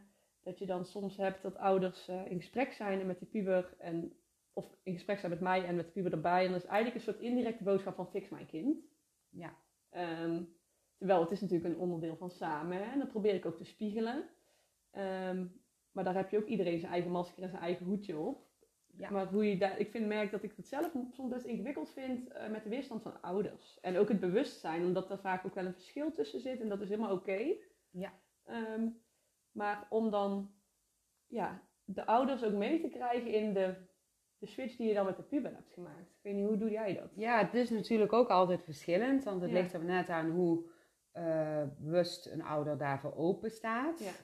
Ehm, maar als ik merk, zeg maar, dat een ouder wil dat ik het kind eh, fix, zeg Ja. maar. Dus daarmee bedoel ik dat ik ehm, ja, dat, dat ik het gevoel heb dat die ouder wil dat ik nu mijn toverstafje uit de la ja, pak en dan pling Ja. en het is opgelost, Ja. Ga ik er meteen uitspreken. Ja, dat doe ik dus. Oké, dat doe ik ook inderdaad. Dus ik zeg dan tegen de ouder, ja, het ligt er maar net aan wie Mhm. ik voor me heb. Want bij de een zegt daar heel ja, subtiel en zacht en de ander heel grappig. Ja, En ehm, ja, bij de ander zeg ik het nog niet, maar geef ik wel alvast de energieintentie mee. En ga ik daarna met die ouder in gesprek hierover. Oké, ja. En ga ik kijken ehm, wat de spiegeling is tussen het kind en de ouder. Ja. En dan ga ik op een hele zachte manier. Ik weet ook niet hoe ik dat doe. Mhm. Want dan ga ik gewoon invoelen. Mhm. En dan voel ik in hoeverre ik kan gaan. En dan ga ik ja, heel zacht, eigenlijk net of dat ik hele zachte prikjes geef. Mhm. En dan voel ik van, oh ja, ze begrijpt het, zeg maar. Hè? Ja. En dan kan ik weer door met een volgend prikje. Ja. En dan op een gegeven moment komen we bij eh, de kern eh, uit. Ja. Maar dat kan wel in een paar keer natuurlijk zijn. Hè? Dus dat is ook misschien niet in één keer eh, op te lossen. Ik doe even mijn jasje uit. Ja. Ja, Ik dat, ik krijg denk dat, dat bewonder ik ook wel aan jou. Ik vind dat soms nog wel moeilijk ook om in te voelen. Eh, ja. ja, ik kan me voorstellen, maar daar heb ik natuurlijk ook moeite mee gehad. Ja. Hè? Dus eh, kijk, ik ben al iets ouder als jou. Jij bent 27 en ik ben 50. Dus ja, ik heb iets meer ervaring eh, daarin. Maar ik heb daar ook mee heel erg mee zitten klungelen. Eh, dus ehm, ja, hè, dat ik dan net even die iets te hard prik. Mhm. Zo van, Ja, auw, dat en dat dus iemand dan ja. zoiets heeft, ja, flikker op. Hoef met jou niks meer te maken te hebben. En jij bent een slechte hulpverlener, bij wijze van spreken, hè, zou iemand kunnen zeggen. En zie dan maar eens bij jezelf te blijven. Ja, ik, Ja. het- ik noem het dan altijd een beetje liefdevol confronteren, maar ik vind het soms... Ik heb er nog geen probleem mee gehad. In die zin, eh, ouders zijn ook altijd wel tevreden. Ja. Ehm, maar ik vind dat soms wel moeilijk, omdat je dan wel iets voelt. Hè? Of je ziet bij het kind gedrag, maar eigenlijk is het ook een spiegeling in de triggers in ouders zelf. Ja, maar dat hun- is het belangrijkste. Ja. de- want ik geloof, zeg maar, dat als een kind een bepaald gedrag heeft, dat dat altijd Mhm. met de ouder Ja. ook te maken Ja, heeft. ik ook. Ja, dat is- ja. hè? En, en daarom is het zo belangrijk dat je ook ja, de ouders, ehm, eh, met, met de ouders die, die dingen bespreekt. Klopt. Want dan kunnen de ouders ook aan zichzelf werken, mits ze daarvoor openstaan. Want als een ouder niet aan zichzelf kan werken, dan blijft het gedrag, ja, dat, dat, wordt, dat wordt niet zomaar even opgelost, zeg klopt. maar. Dus als een kind eh, problemen heeft en het is een, eh, dus bijvoorbeeld een kind gaat echt gruwelijk over de grenzen heen, die gaat veel te ver. Hè? En eh, misschien ook wel dus veel te ver over zijn eigen gren- grens, de puber. Dan, dan zit daar een spiegeling naar die ouders. Mhm. Dus dan is een van de ouders is ook gruwelijk over de grenzen aan het gaan ergens. En dan ga ik kijken, wat is dat? En als ik dat dan voel, dan ga ik dingen benoemen, situaties benoemen, waarvan hun zoiets hebben van, maar ja, dat kan ze helemaal niet weten. Ja. En dan gaan ze nog meer openstaan en van daaruit geef ik weer een prikje verder. Ja, mooi. En dan zouden we bijvoorbeeld kunnen kijken van, goh, hè, ehm, ik heb het gevoel dat bijvoorbeeld een familiesysteemopstelling voor je zou kunnen helpen. Naar de ouder toe, hè? dus niet naar het kind. Ja.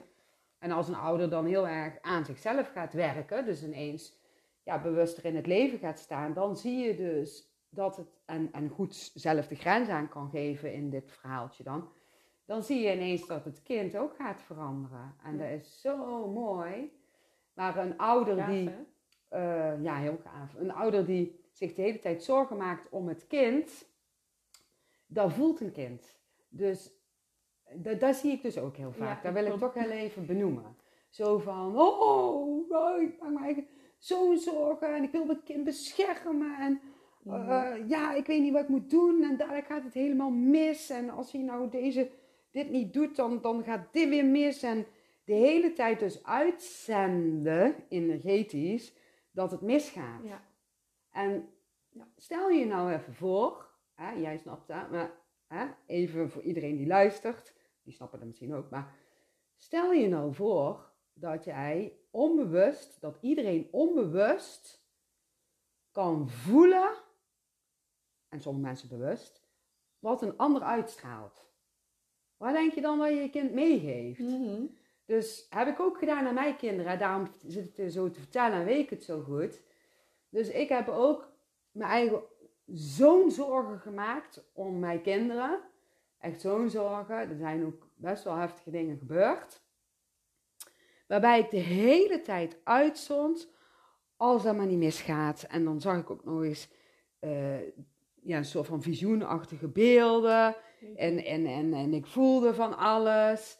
En ik wist dat het mis ging gaan. Mm. Ik wist dat er verkeerde uh, dingen zouden gebeuren, aardse zien verkeerd. Hè? Dus ik was daar ook de hele tijd aan het uitzenden. En die kinderen, die worden daar nog onzekerder of opstandiger van. En die, die gaan er natuurlijk helemaal voor, Ja. voordat dat misgaat. En het ging mis. En daar hebben ze heel erg mooi van geleerd. En ben ik zo ja, dankbaar dat ze die ervaringen hebben gehad. Want dat heeft hun alleen maar versterkt. Ja. Maar op het moment zeg maar, dat ik er bewust van werd van wacht eens eventjes. Maar ik ben dus de hele tijd het gaat mis uit aan het zenden. En dat ik helemaal niet meer in hun geloof. Omdat ze de hele tijd van die rare keuzes maakten die hun ziel blijkbaar uit hadden gekozen. En ik heb daar een keer echt zo'n, ja, meerdere keren inzicht over gekregen. En weet je wat ik toen ben gaan doen? Ik ben toen op het moment dat mijn punthoofd dus zei van het gaat mis en wat nou en dit en dat en onzekerheid dus aan het uitzenden was naar die kinderen. Op het moment dat ik dat voelde of zag of hoorde, ben ik vertrouwen en liefde uit gaan zenden. Ja? echt wat ik wilde zeggen. Ja? Nou, en hey, wat een wereld van verschil. En accepteren en loslaten. Dat Ja. echt dat, eh, ja, ik ben natuurlijk zelf niet ouder, maar ik heb wel met veel jongeren ook gewerkt. Ja. Dus ik, ik coach Ja. ouderen daar ook vooral in. Ja. In dat wat, wat zou er gebeuren als je dat loslaat? Ja, Maar wat mooi dat je dat, ja, ik vind het heel tof om te horen dat je die ervaringen zo hebt. En wat is het effect geweest van het zenden van die vertrouwen en liefde? nou, de, be- de, nou in, hè, in het begin heb je dat nog niet zo in de gaten of zo. Mhm, En zegt ja. je punthoofd, nou het zal wel hè. Ja. En die probeert toch nog de boel over te nemen om een paar zorgpiekergedachten uit te zenden. Mhm. Maar ik voelde me eigen daar heel goed bij. Dus dat, dat was al één hè. Mhm. Dus ik vond het gewoon heel fijn om die gedachten dus ja, eigenlijk te veranderen. En eh, ja, dus positieve energie te zenden. Wat Want- voelde je dan? Want je zei, nou, dat zal ik zo vertellen. Want ik, weet je, ik, ik had, ehm, ja... Nou ja, goed. Het, hoe ik het deed was... Hè, dus eerst zende ik allemaal negativiteit eigenlijk uit. En daar werd ik dus bewust van. En eh, ik kon me eigenlijk ook ineens heel goed voorstellen van... Ja, als, als je de hele tijd negatieve energie zou voelen... Ja, dat werkt natuurlijk niet. Dat zou ik ook niet fijn vinden. Dus verander ik dan naar de positieve energie. En ik deed maar net op dat ik een soort van tovervee was. Met heel veel licht en liefde. En ik zende dat naar eh, ja, mijn, mijn kind. Kinderen. Mhm, Ja, maar in ieder geval het kind wat op dat moment waar het om ging. Mhm. En in eerste instantie hè, zegt je denken dan, hè, je punt ook van ja, dat lukt niet en zo. Maar ik voelde me er heel goed bij. Dus ik deed het ook voor mezelf. Want ik werd natuurlijk ook niet goed van al die niet leuke Mhm. zorg en angst en piekergedachten. Dat kost natuurlijk heel veel energie. Mhm. Zoveel energie dat ik daar 20 jaar ouder van ben geworden. Ja, Zo voelde het. En ik werd er ook ziek van. Ja, je lichaam met die stress ook, hè? Het is- Ja. Echt zo irritant. Ja. Nou, en ehm, dus ik kwam er allemaal achter. Maar ik kwam dus achter van, hé, hey, toen ik dat ging doen, voelde mij beter. Ja, Ik, ik, ik voelde van, ik heb meer energie. En ik denk, dat is leuk. Ik kan eigenlijk helemaal niks doen, aard te zien voor die kinderen. Maar dit kan ik wel doen, want je wil als ouder toch ergens iets doen. Maar ik deed het dus ook voor mezelf eigenlijk. Omdat ik mezelf daar goed bij voelde. Dat is wat ik wilde zeggen. Dus ik kreeg een, ja, een opgewekt gevoel. Ik voelde mij beter. Ik kreeg meer energie.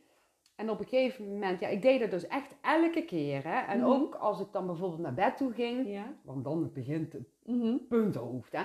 Dan zeg ik punthoofdje, ik snap dat je dat allemaal zegt, maar dat gaan we niet doen. We gaan liefde Ja. en vertrouwen sturen. Want dat hebben die kinderen nodig. En denk, ging dat dan in je hoofd of sprak je dat dan ook letterlijk uit? Uh, nee, ik deed dat eigenlijk meer in mezelf. Maar je zou het ook kunnen uitspreken. hè? Mhm. Want ik heb ook wel eens ooit Ja, ik geef dat dus vaak aan ouders aan die het in het begin Ja. heel lastig vinden. Ja, maar mijn Ja. hoofd neemt het dan toch over. Ja. Dus dan leg ik inderdaad uit, van zie je het als een soort van koordje wat je naar je kind uitzendt. En dan gooi je alleen maar, in plaats van minnetjes in dat bakje naar het kind, gooi je dus alleen maar plusjes in het bakje. Ja, Met ja mooi. En Mooi. ook in contactmomenten, zeg maar. Omdat de puber soms zich kan afzetten. Hè? Ja, Dat je continu probeert dat dat lijntje ergens wel is. ja. Met plusjes. ja Dus heel vertrouwen mooi. en liefde. Ja. ja, dat is een hele mooie eh, manier. Ja, ik moet zeggen dat, dat ik bijvoorbeeld als ik dan ga, ging fietsen in de natuur of zo met ons MOA, dat ik dan, eh, hè, dan, daar is nooit iemand. En dan vind ik het wel lekker om hardop te praten. Hè? Dus dan ga ik zeggen wat mijn punthoofd allemaal zegt. En dan, dan ben ik eigenlijk een soort van toeschouwer. Dus ik spreek uit wat mijn punthoofdgedachten zijn. Nou, dat zijn van die horrorgedachten. Hè? En dan, dan heb ik echt zoiets van, oh mijn god, hoe Mhm. krijgt hij het verzonnen?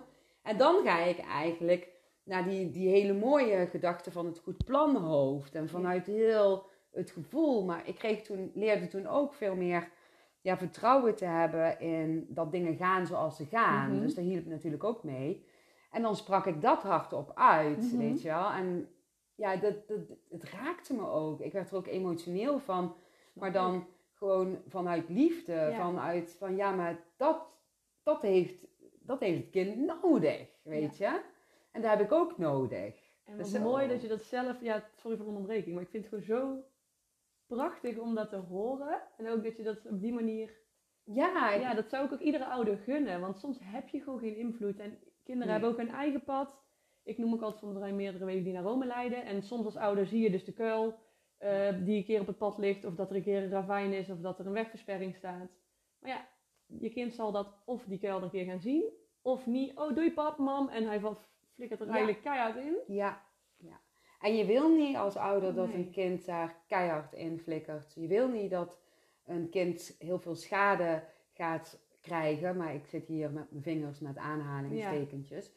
Ehm, want ja, je wil maar één ding, en dat is wat we ook echt aan hebben geleerd, dat het goed gaat met het kind. En ik denk vooral dat het in de vrouwenlijn zit, van je moet ervoor zorgen dat het goed gaat met jouw kind. Dat is jouw taak. Maar dat is helemaal niet mijn taak. Nee. Want dat is toch allemaal al gepland. Ja. En ja, ook de hele heftige dingen die gebeuren, die ik ook mee heb gemaakt.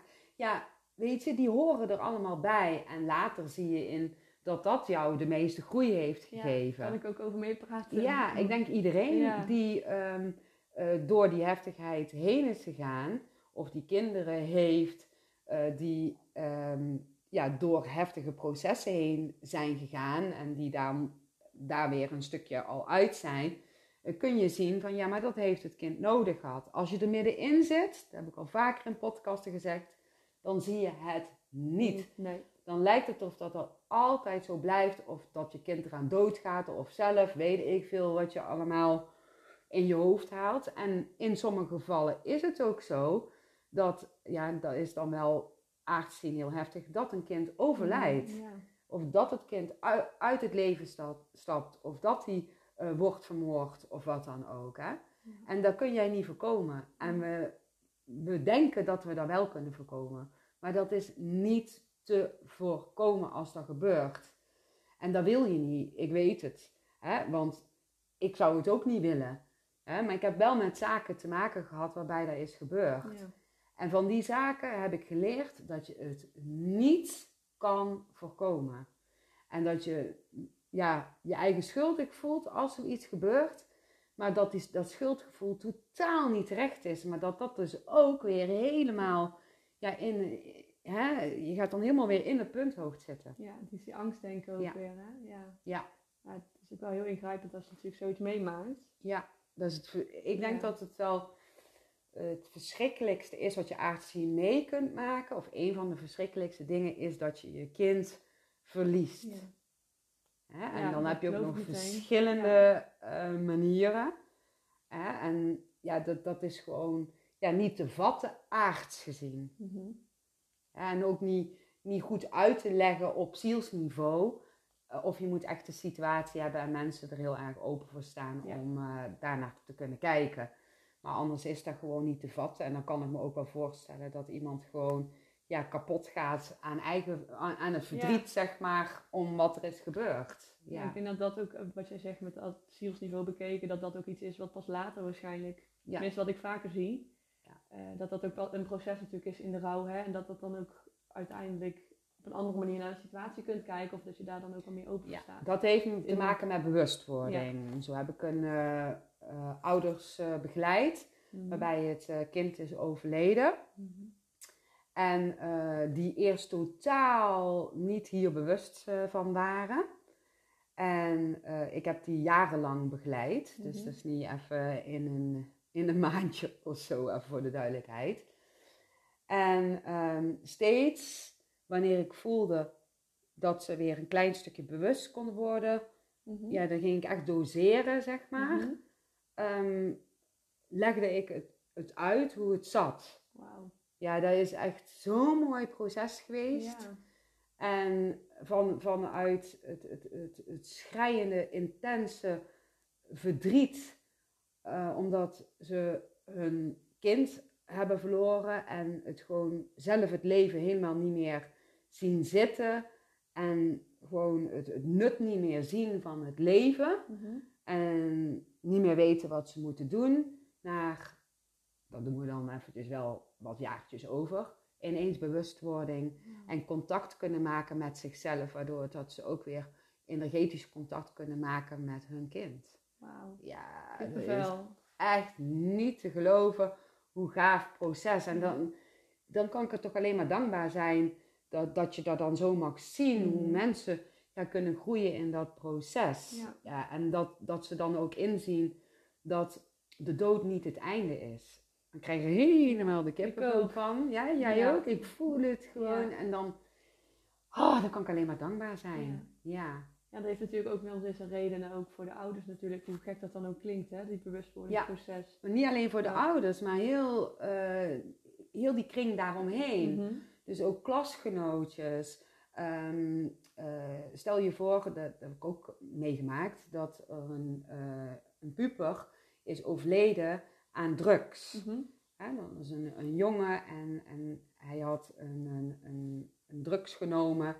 En maar ehm, hij had ook nog een bepaalde ziekte, maar dat wist niemand, zeg maar. En dat ging niet goed samen. En daar is die jongen dus aan overleden. Ja, en eh, daarna ehm, ja, is er een beetje eh, ja, zo in, in, in school gebracht over drugsgebruik en, en jongeren en bla bla bla bla. Dus dat raakte heel veel mensen. Ja. Ja, en natuurlijk raakt het het gezin, maar ook daaromheen. Iedereen die ja, met die jongen te maken heeft. En, en ik, ik kende die jongen niet eens, maar na, toen die was overleden, toen leerde ik hem eigenlijk op zielsniveau Mhm. kennen en heel die familie en toeters en bellen. Ja, dan, dan raakt het mij ook in Ja. dingen. Hè? Dan leer ik daar ook weer van. Dus moet je eens kijken hoeveel mensen doordat dat is gebeurd, ja, bewust kunnen worden. En aangezien zien mensen die dus, dus nog hier nog niet bewust van zijn, die zouden nou kunnen zeggen van, ja, maar je wilt toch niet dat, het, dat een kind doodgaat? Nee, dat wil je niet. Nee, klopt. En dat wil ik ook niet. Nee. En ik heb het ook niet bedacht of zo. Hè? Dus ik, ik kan het ook niet regelen, ik kan het ook niet, nee, ik heb daar geen invloed op. Niemand heeft er invloed op, maar het gaat zoals het gaat. Ja, het is echt bizar hè, hoe dat allemaal in elkaar zit. Maar als we met z'n allen weer terug zijn in de bron, dan snappen we precies hoe het zit. Ja, Zou ik toch echt wel graag eh, zo'n dat tripje willen maken en dan weer terug kunnen komen, dat ik kan vertellen. ja ik gun iedereen die trip. Ja. Ja, hè, zelf heb ik dan twee keer de bijna doodervaring gehad. Ja. En één keer een hele grote trip en de Mhm. andere een eh, mini-tripje, zo zou je het kunnen zien. Eh, maar ik, ik gun daar iedereen, want Ja. dan, dan weet je hoe het zit. Dan, dat, dat gevoel, ja, dat, dat weten, dat gevoel, de dingen die je daarin ja, ziet, dat is zo duidelijk, daar kan heel het aardse niet tegenop. Want het is zo duidelijk dat je gewoon weet dat het zo is. Mhm. Ja, ik kan het Ja. niet uitleggen. En het is, het is het mooiste wat je mee kunt maken. Ik geloof daar ook meteen Ja. in. Echt het mooiste. Ja. Hé, hey, maar ehm, ja, misschien wil jij nog, nog, nog iets, een stukje vertellen over, over het werk wat jij doet. Of dingetjes die je nog van plan bent. Vind je dat nog leuk? Ja, dat kan zeker. moet ik zorgen dat ik niet te enthousiast word. ik vind Nou, mijn ja. werk heel leuk en ik werk met heel veel passie en heel veel energie. Ja. Eh, en ik hoop ook wel ergens eh, op termijn ooit een keer inspirerend persoon te zijn voor mensen. Dus los van het mensen helpen ook wel eh, op grotere schaal iets te kunnen doen. Eh, maar wat ik nu eigenlijk doe, ehm, is dat ik dan als zelfstandige werk, eh, als orthopedagoog. En ik werk nu dus vooral eigenlijk met kinderen, jongeren en ouders. Ehm, dus individuele begeleiding, behandeling of gezinsbehandelingen. En stel je voor dat, dat ik dus een puber heb en ik, en ik weet het even niet meer, kan ik jou dan Ja. bellen? Dan kan je mij bellen, zeker. Dat is En nu zit ik hier in Zon, dus eh, Oh ja, Ja. dat is waar. En dan, dan doen we straks even de gegevens Ja, dat eventjes. goed. eh, dat vind ik wel leuk. Dat, Ja, dat mensen, dat eh, ja, ja. En dat is eigenlijk wat ik nu dus vooral doe. En ik werk nu ook nog op ZZP-basis dan bij een organisatie voor diagnostiek en behandeling. Dus daar doe ik eigenlijk onderzoeken. ja. Maar- Wat voor onderzoeken doe je dan? Ehm, brede verklarende onderzoeken noemen wij dat bij ons. Ehm, eigenlijk onderzoeken naar ehm, wat speelt er bij een kind aan de hand van bepaald gedrag of klachten die een kind heeft. En ehm, daar is het specifiek gericht op autisme en ADHD en intelligentie vaak. Ehm, maar er kunnen ook andere dingen bij komen. Dus soms is er ook bijvoorbeeld iets waar ehm, vanuit het DSM noemen we dat dan, hè, de klassificering van diagnoses. Dat er bijvoorbeeld gedrag gezien wordt impulsief en hyperactief, wat dus past bij ADHD. Maar ook bijvoorbeeld heel rigide, dus eh, of veel moeite hebben met veranderingen. Dan zeggen ze autisme. Maar ik ben niet zo van de labels. Dus ik probeer vooral met het kind als geheel te kijken. ehm, van waar komt dit vandaan? Dus dan kun je ook echt heel, heel breed gaan eh, onderzoeken. Of met ouders te gaan zitten, of bijvoorbeeld met het kind zelf. En dan ga je tekenen, of met kaartjes. Of van de week heb ik een, eh, een tijdlijn gemaakt, gewoon van 0 tot 11. Maar die jongen, die was 11, die wilde niet eh, schrijven, hij wilde wel tekenen. Dus heb ik hem een ander vel gegeven, want hij wilde alleen op zijn, hij kon het niet verdragen als ik met mijn pen op zijn vel ging. Nou, geef jij een ander. Doe ik hier schrijven goed? Vind je het oké? Ja. Nou, dan, dan is dat van jou. Daardoor kwamen ook weer hele mooie dingen, dus dat is weer een creatieve manier van aansluiten. Vind ik heel leuk. Ehm, dat is wat ik nu ook doe, maar ik- dat is niet per se denk ik waar echt eh, mijn ja, planning is voor op lange termijn. Ehm, Ja, dit wil je nu gewoon zo doen. En ja, Ja, hè, het- ook wel bepaalde ervaring opdoen. Ja.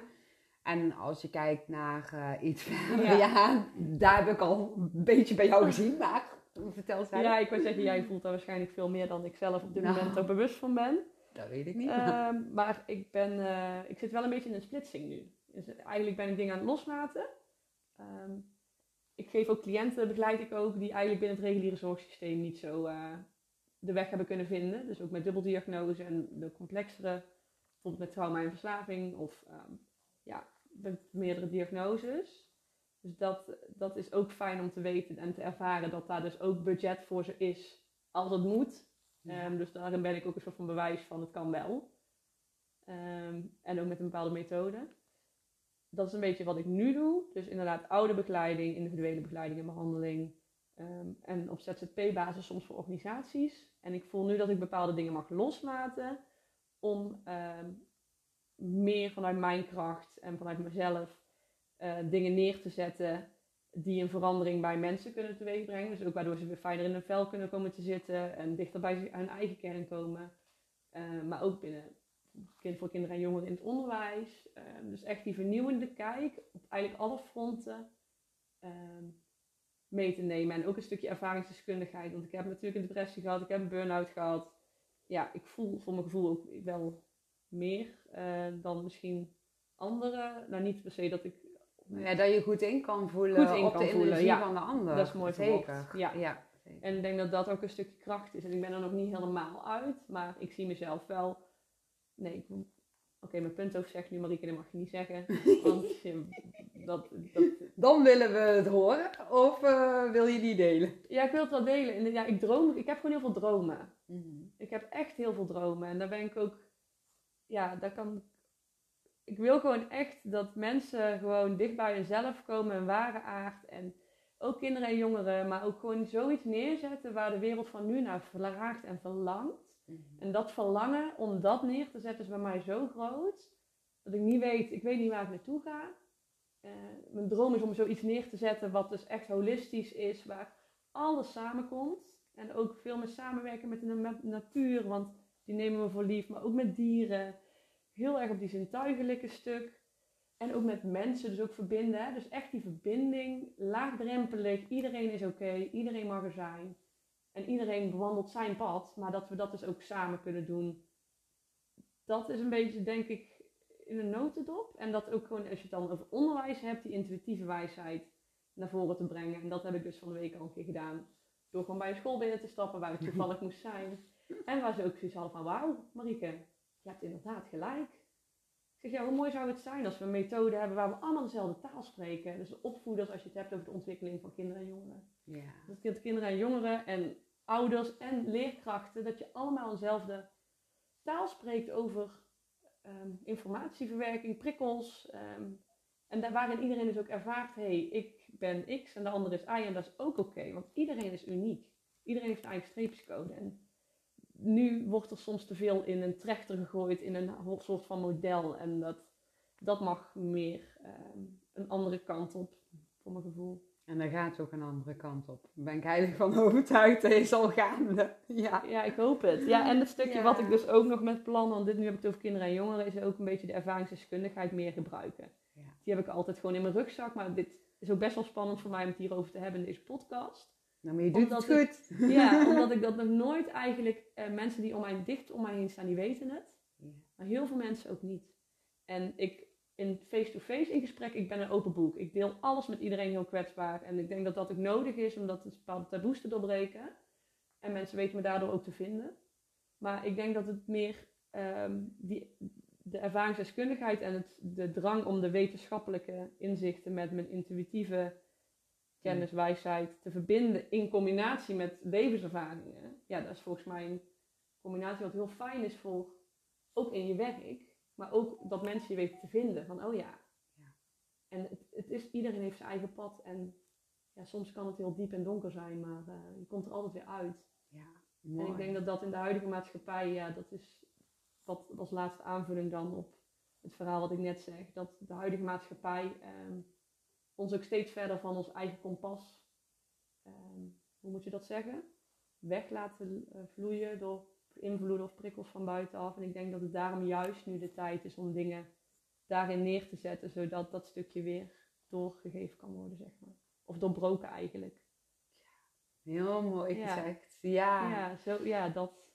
Ja. Oh, wij kunnen uren praten. Ja, dit is ook alweer een lange. Ja, ik denk dat, dat dit nu eindelijk de langste podcast ever gaat worden. Oh, sorry. Ja, nee. Waarom zeg je sorry? Dat is toch vet gaaf? Ja, misschien wel. Ja, is Je punt ook, weer. zegt sorry.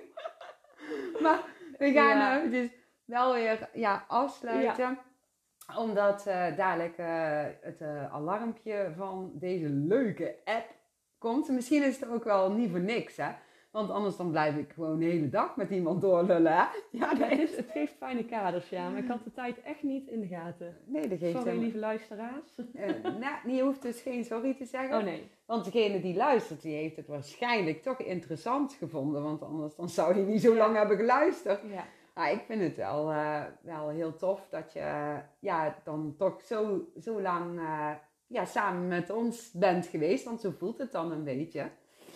En ehm, ja, Marieke, ik wil je ja, super bedanken dat je er ja, was, bent, nog steeds trouwens. ja. En misschien kunnen we nog een keertje een podcast doen over bepaalde onderwerpen die interessant zijn. Eh, misschien kan jij die luistert nu ook een eh, onderwerp aankaarten. Hè, waar we het dan Leuk. over kunnen hebben. Dat, dat lijkt me misschien wel leuk. Nou, ik wil jou ook in ieder geval eh, echt enorm bedanken. En ook iedereen bedanken voor het luisteren. En eh, ja, ik sta zeker open voor nog een podcast. Want ik vind het echt geweldig. Ja, echt heel tof. ja ik, ik denk dat het leuk is zeg maar ook om, om eens even te vragen aan, aan jij die luistert. Van goh, wat zou je dan... eh, misschien, misschien hebben jullie wel vragen.